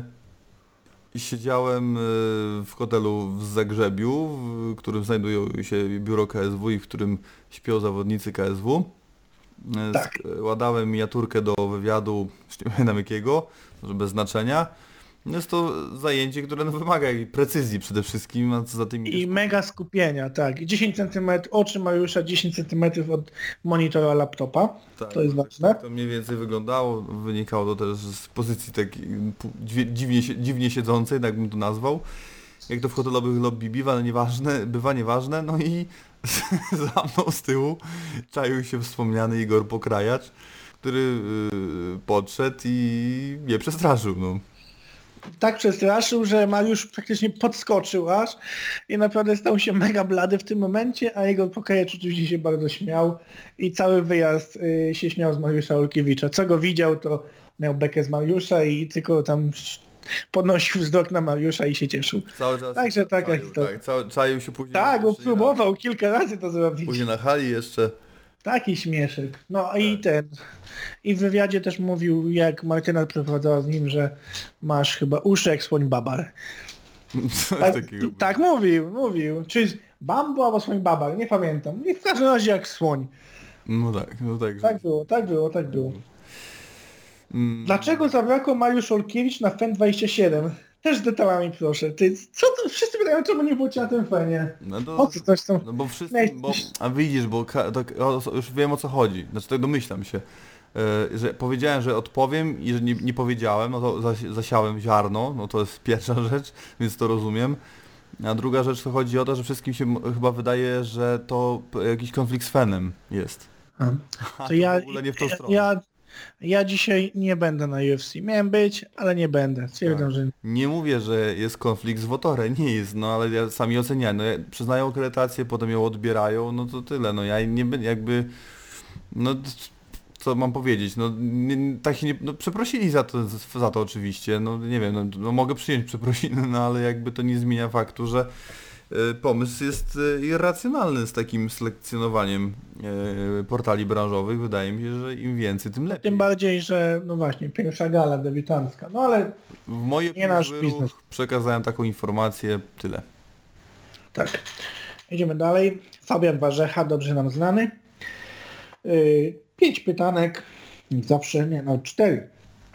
Kogo dalibyście dla Mameda? Według mnie, skoro Szlemenko odpada, bo są kumplami, to jedynym rywalem jest Wiaczesław Wasilewski. Zawodnik miał młodego wieku, na dużym zakręcie, ale wciąż mogący dać z Mamedem wyrównaną, twardą walkę. Nie widzę innego dostępnego, głośnego nazwiska gwarantującego przyzwoity poziom sportowy zarazem. No dobre nazwisko, zdecydowanie dobre. Wasilewski to jest... Dla mnie super, no. Ja Tak, tak, to jest fajny pomysł, dobry i Szlawa tutaj tak może dać fajną walkę, także tutaj zgadzam się. Jakie zagraniczne wzmocnienia do wagi koguciej KSW? Mm, hmm, Patryk Surdyn, będę jak mantrę powtarzał. Tak, no, ja też bym chciał zobaczyć Patryka. A Surdena. zagraniczne wzmocnienia to tak nie... A zagraniczne? Hmm, nie wiem za bardzo. Nie, Ja, ja- musiał zobaczyć trochę Polaków, żeby KSW ściągnęło troszkę Polaków, ten zaciąg polski. Ja znam polską scenę y, wagi koguciej, orientuję się w, top, y, w topie UFC, a tutaj wymyśleć nazwisko z tej kategorii, którego nie ma tu i tu, to już jest wyzwanie dla mnie duże, więc no od ręki ciężko. Y, Kto jest według Was największym influencerem w MMA? No jednak uważam, że mimo wszystko Juras. No moim zdaniem Blanka Lipińska, bo się podobno zna na MMA i będzie prowadzić tylko jeden, więc na pewno się zna na MMA. A jest teraz popularna, więc Ale między, generalnie po- pomiędzy Jurasem a Asią, ale no bardziej Juras. No. Blanka. Bo się zna na MMA i jest popularna. I może książkę o tym napiszę, czekamy. Jak w tym domu tylko jeden, może zawodnicy z partnerkami tam coś będą robili i powstanie kolejny pornuch. Idźmy dalej. Eee, skąd ten hype? No co się śmiejesz? No co? Słuchaj, no jest autorką, może wpadnie na taki pomysł, może napisze o romansie, nie wiem, dwóch zawodników MMA, no, na przykład. Kto wie, potem się wyjdzie książka, film, będzie fajnie. Skąd ten hype na rzekomy atomowy cios Kaszubowskiego?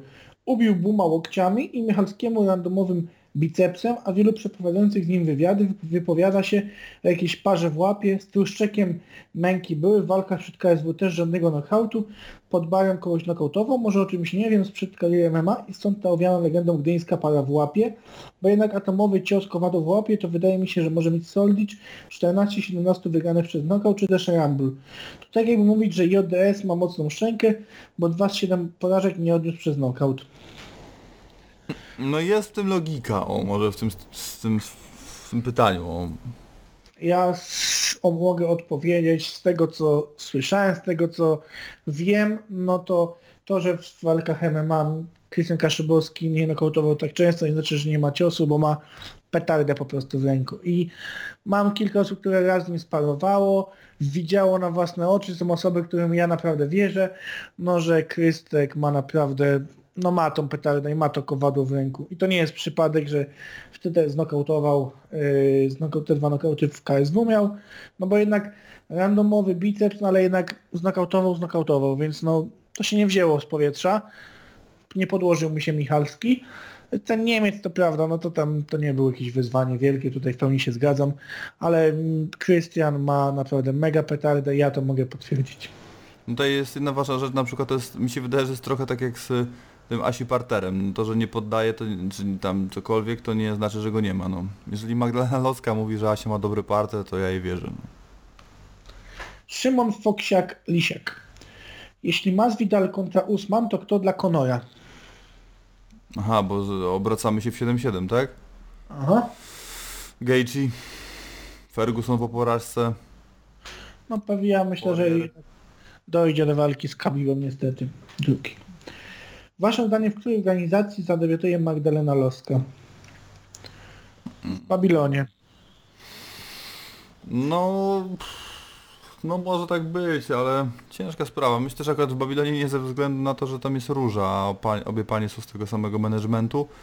Więc ja bym obstawiał e, jednak FEN albo KSW, no ale to KSW nie weźmie Magdy w ciemno, wydaje mi się, więc ona, zresztą z KSW jest tyle problem, myślę, że to jest podobny problem tu i tu, bo y, KSW ma kategorię 5.7 i 5.2, bo Mag, y, ma, y, ta Karolina chce walczyć w 5.7, Ola na pewno będzie chciała walczyć w 5.2, więc zrobienie teraz kategorii 6.1 byłoby trochę mm, szalone. Znaczy ja bym chciał, bo czyli nie widzę w tym nic złego ogólnie, tylko no wydaje mi się, że KSW w to nie wejdzie. Co do yy, Babilonu, myślę, że po prostu Babilon z opcją walk gdzie, dowolnych, gdzie indziej, gdzie by tam sobie chciała, to by walczyła bez żadnych lojalnościówek.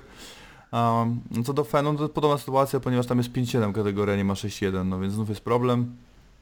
Także być może to w ogóle będzie walka jakaś zagraniczna, e, może jakaś mniejsza w ogóle lokalna gala, no ciężko powiedzieć. No, po debiucie w ogóle będzie, po debiucie będzie łatwiej o tym mówić, bo jak debiut będzie bardzo udany, no to wtedy będzie można gdzieś to tam łatwiej, organizatorzy też na to inaczej spojrzą. No. Czy myślicie, że ostatnia wygrana Rembeciego na FEN wystarczy, by dostać się do UFC? Nie. Nie, to jest w ogóle nie to chodzi już teraz, to już nie do końca chodzi już ten ciąg wygranych, tam po prostu nie ma miejsca dla Tak, zawodników tak, tej tak co mówiliśmy, tak samo jak z Grzybykiem. No w tej chwili jest po prostu w tej kategoriach nie ma miejsc i dlatego panowie, gdyby były miejsca już podejrzewam, że oni dawno by tam trafili. Y, Tonon kontra Polier w grapplingowym meczu na kogo stawiacie i czemu Tonon przez poddanie? Ja myślę, że Tonon, ja myślę, że przez knockout wygra Gary Tonon. Ale, ale było zaskoczenie, nie? No. Ten idzie po nogę, ten mu jeps, lewy, prawy, nie? I leży tu. To było coś. Ja... A co, jak się bawić, to się bawić. Nie mam więcej pytań, w sumie miałem, ale zapomniałem. Szanujemy, szczerze. To zapi zapisuj sobie. Hubert Pawlik. Czy jest w ogóle jakakolwiek szansa na walkę Racic-Anzor? Bo jest chyba jedynym zawodnikiem, który mógłby zagrozić Antonowi w 6-1, ale nie wiadomo, czy bliżej mu do powrotu do KSW, czy jednak do Fenu. No myślę, że do KSW jednak, ale tak. No ja myślę, że jednak nie. No ciężko powiedzieć, ale fakt, no ogólnie ta walka jest super pomysłem, no. Ktoś gdzieś coś, że do Fenu. O, i teraz pytanie, i to takie, ja takie pytanie najbardziej lubię, szczerze mówiąc.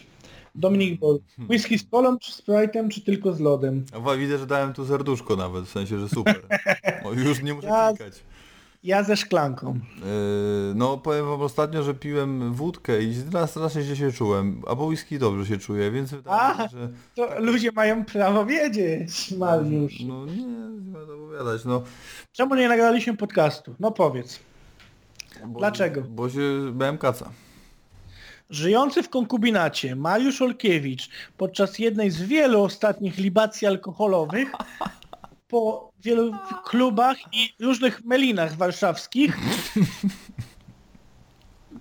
Słu- Słuchajcie, to jest niebywała rzecz. Zgubił fiuta. I to jest prawda i on o tym dobrze wie, bo nam jeszcze, wyobraźcie sobie, że zdjęcia nam jeszcze wysyłał tego fiuta. No w ogóle dramat, tragedia, no. Alkoholizm i obrzyna, no nie no, dramat, po prostu dramat, dramat. I on po prostu tego fiuta zgubił. Jestem, zaraz, jestem prawie przekonany, że kolejne... Dlaczego go tydzień nie było? On mówi, że praca, że to po prostu był w szpitalu, gdzie miał szycie i gdzie lekarze ratowali, także miał jakieś narzędzia rozrodcze. Nie udało się niestety. Niemniej jednak e, mocz będzie oddawał przez taką specjalną cewkę i do końca życia tak będzie miał, więc ten podcast, przepraszam was, ale z tych przyczyn właśnie nie był nagrany. Także Mariusz, no przykro mi, no ale co zrobić? Ludzie mają prawo wiedzieć po prostu. Odmawiam składania zeznań. Więcej informacji dowiecie się w wywiadu z Pawłem Kowalikiem. W niedzielę o 19. Bart Klo. W jakiej organizacji znajduje Magdalena Loska? No to mówiliśmy chyba. Bartek nasz patron. Pozdrawiam. No Więc, więc ja myślę, że dalej, że Babilon. Dominik Boruc. Y, Tutaj kilka zestawień. Y, Juras kontra Szymon. No to chyba możemy, że chyba tak będzie. Ale co chodzi o zestawienie, czy to kto wygra? Jak według Was wyglądałaby walka i kto by wygrał? Chciałem powiedzieć no dalej. No jak będzie wyglądała walka Juras kontra Szymon? No, No. w mojej opinii Szymon wleci w Jurasa całym impetem i za, zarzuci, zasypie go gradobiciem ciosów. Tak, też tak myślę. Ja myślę, że, nie, że będzie na początku honorowy atak, potem będzie e, kontrolował walkę z góry i walka potrwa cały dystans. I no, główny plan na walkę to będą obalenia Szymona. Ja typuję go jako zwycięzcę, szczerze mówiąc, ale nie będzie to łatwa walka, bo co by nie mówić o Jurasie, to jego piekielnie ciężko ubić. Askam kontra Narkun. Mm, no to tu... no, Znaczy ogólnie bym powiedział pełen dystans, tylko no nie wiem w jakim limicie wagowym będzie walka. Na No w 9-3, stać mówią, że 9-3. No tak, bo Askam nie chce żadnych catchweightów. E, kurczę. No wydaje mi, znaczy inaczej. E, no Askam nie będzie obalał e, Narkuna tak jak Mameda, ponieważ e, Narkus Plazow jest piekielnie niebezpieczny. Nie, nie bardziej niebezpieczny niż Mamed, też jest cięższy, młodszy, no, no lepszy, no wygrał z Mamedem. Mm, więc to jest bardzo ważne e, w tym wszystkim. A, e, co tu jeszcze? Kurczę, no, no w stójce bym się nie spodziewał tego pojedynku przeprowadzonego, ale myślę, że Tomek wygrał decyzją. A, no tak, tak mi się wydaje. No to y, walka 5 rund, więc wiele płaszczyzn będzie. No nie będzie tego parteru pewnie za dużo, może Tomek będzie do niego dążył, nie trochę stójki, Tomek będzie klinczował, żeby przewrócić, może poddać. Będzie bazował na zasięgach, no ciężko powiedzieć, nie zastanawiałem się nad tym tak, teraz tak na szybko, takie moje pierwsze przemyślenia, no ale wydaje mi się, że jeżeli w 9-3, no to pełen dystans i, Tomek na punkty. Też, że myślę, że kilogramy zrobią robotę jednak i Tomek Narkun. Gamer kontra Saladin. Hmm.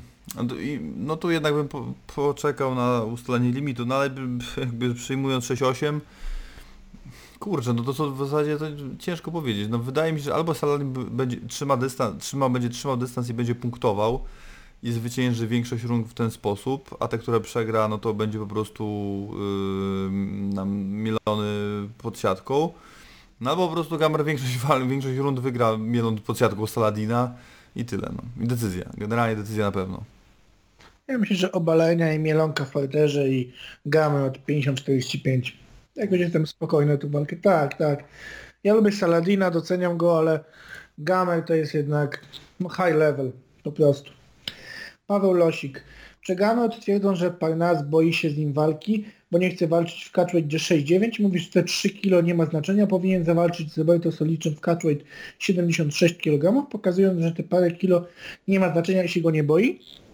No już to w ogóle ten temat Soldicza, to, ja to dla mnie to jakiś science fiction jest, nie wiem, ale nie, nie, nie, to nie, nie tak, no nie widzę tego tak. To, walka jest mega ryzykowna ga, dla Gamera. On twierdzi, że wy, wszystko, wyczyści wszystko do 7-0. No może wziąć catchweight, ale nie z zawodnikiem z innej kategorii, tylko z 7-0. Do tego Roberto Soldic, nie pamiętam, do sprawdzenia robi zawsze podkorek, wykorzystując pół kilo tolerancji. E, on nie ma mowy w ogóle o 7.6, znaczy 7.6 to może, może, ale nie ma mowy o jakimś innym catchweightie. Nie jest, jest absurdalny pomysł. No nie wiem, czy ktoś kiedyś widział na żywo Roberto Solicza i Mateusza Gamrota. Jak myślę, jak ktoś widział, to takiego pomysłu jakby nie, nie, nie przedstawi nigdy, no.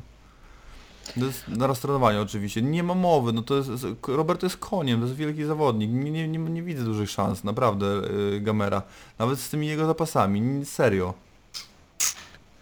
Tak, ja się zgadzam z tobą, że Po tutaj na te kategorie wagowe, no trzymajmy się tego w ogóle. Ja rozumiem, między 6, 6 a 7 jest 0 akurat jest ta różnica 4 kg. Tu, tu jest różnica 7, to jest prawie dwa razy tyle. To ma znaczenie, naprawdę. Po coś to jest. To pokazała walka Tomka z Philem de i Tomkiem Wiesz, wchodząc do walki ta przewaga byłaby podejrzewam, że 10 plus, jak nie więcej. No, mogłoby nawet jeżeli Mateusz by walczył te 82 kg, no to dalej to...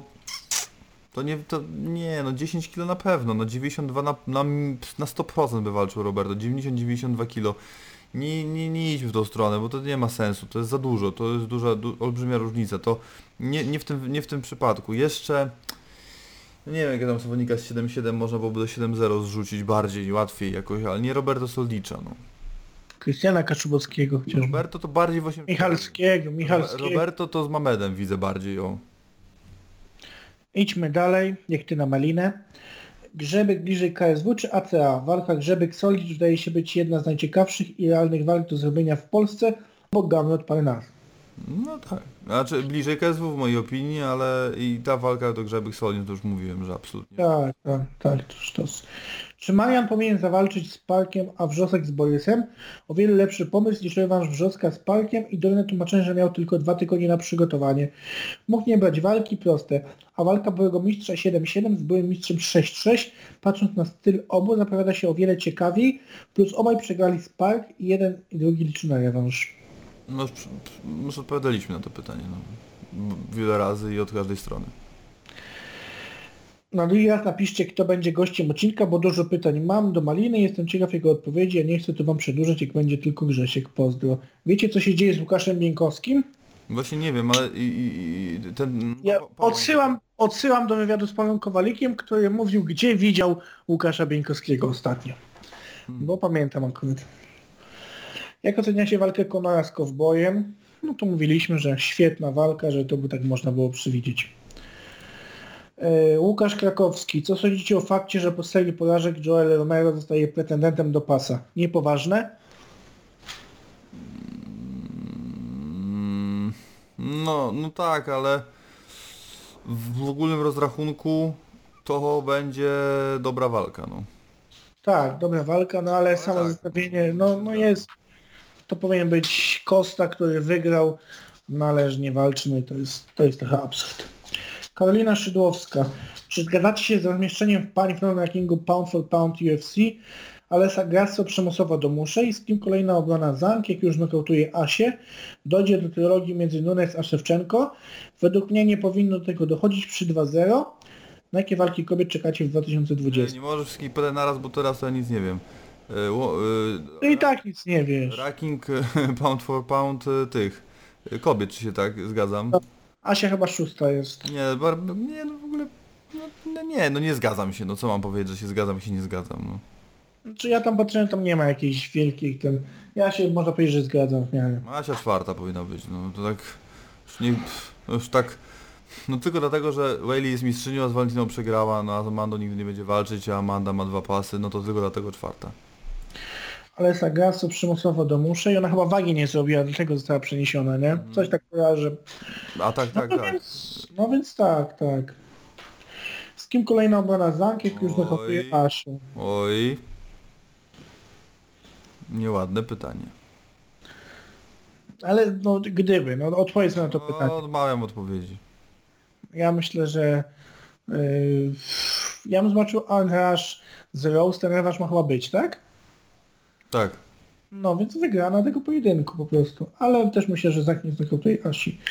Czy dojdzie do trylogii między Nunes i Szewczenko? Myślę, I czy powinno, Tak i czy powinno się odbyć? Ja myślę, że nie, bo też, też się zgadzam z tym, że jest 2-0 już i trzecia walka.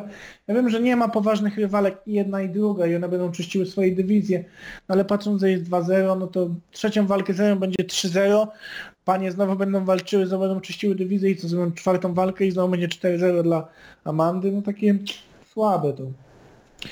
No i to pytanie bardziej do Ciebie. Na jakie walki kobiet czekasz w 2020? Wiesz co, no przede wszystkim chciałbym, żeby Rose wygrała z Andrazi. E, jeżeli Asia wygra z Zank, no to jednak trylogię z Rose bym zobaczył. Mm, Na, tylko, że no wtedy Asia jest mistrzynią, tak, na tej zasadzie. E, No Suarez bym zobaczył z, e, ze zwyciężczynią, mo- może, no, albo z przegraną. Zank wtedy. Albo o Zank. Suarez po prostu chciałem zobaczyć, no zobaczyć po prostu Suarez jeszcze jakby z, z kolejnymi lepszymi rywalkami. E, Zobaczyłbym walkę może Macy Barber z Michelle Waterson. Tak strzelam. O, Karolina jak wygra może z Cynthia Calvillo. Już Gdele Suarez. O, coś takiego. No to tak na szybko, to w tej, to w muszej. Jest kilka fajnych zestawień, już tak nie, nie, nie skupiając się mega na tych drabinkach. Niestety w muszej... Znaczy, Macy Barber mi się pomyliła, przy ona jest w muszej. No, to- tak, no to Macy Barber... Ale no to też nie jest wykluczone akurat, yy, ale tak. Macy Barber... No nie można dawać, znaczy to nie, nielogiczne by było zestawianie jej z kimś koło Ro- Roxanne, no bo z nią finalnie przegrała, ale ogólnie bym zobaczył może rewanż nawet, kiedyś gdzieś coś.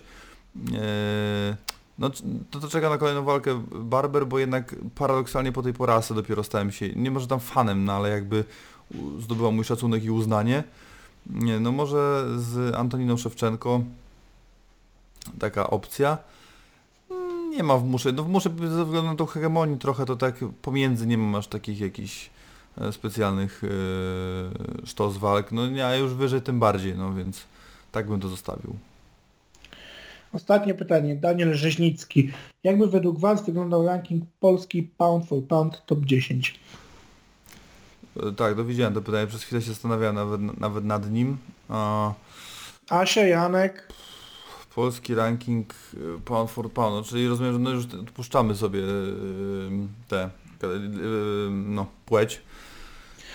Asia, Janek, Jotko, Lord, yy, Tomek Narkun, No Gamrot, Gamrot, mimo wszystko Karolina przecież, w, mojej opinii, no, tak, Karola. ale jest drugą najlepszą kobietą, no więc one się No muszą tak, znaleźć, obie.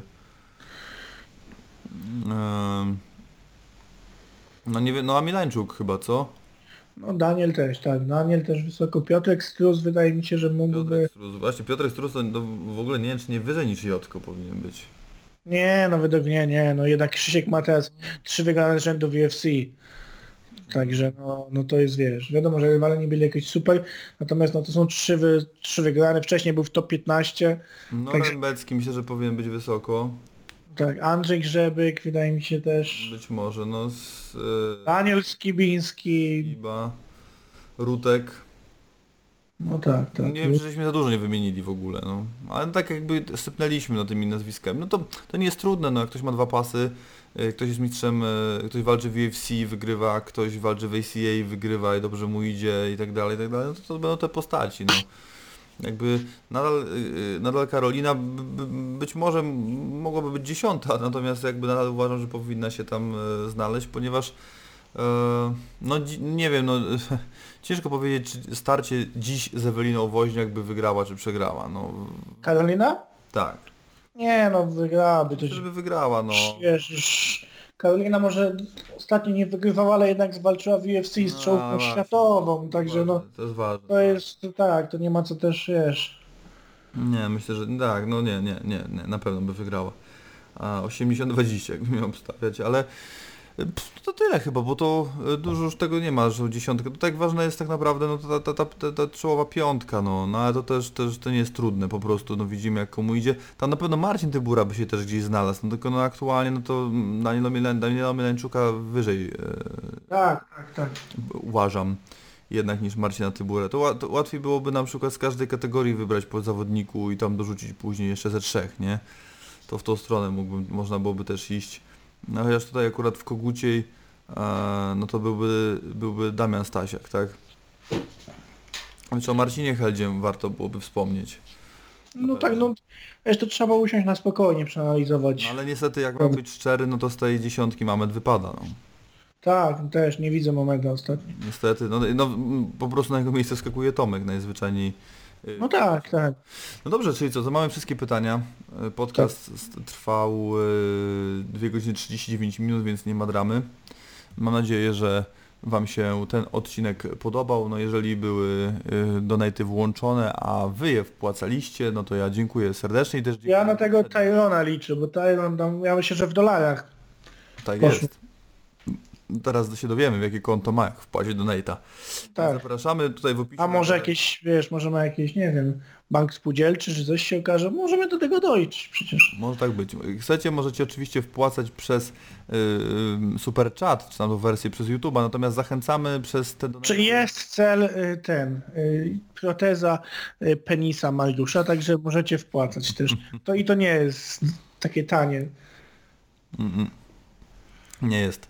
E, więc zapraszamy do, do wpłacania przez tutaj na dole w opisie o Patronite najchętniej oczywiście, ale e, tip and donate e, tam jest opcja, wszy- wszystko, blika, nie blika, każda opcja przelewu. Zrzutkę się pomaga, też musimy odrzucić dla Mariusza, robimy, ja już właśnie profil tworzę też. Tak. Więc y, wyjazd do Londynu, tam jest ustawione 999 zł, no i taki faktycznie tyle nam wystarczy.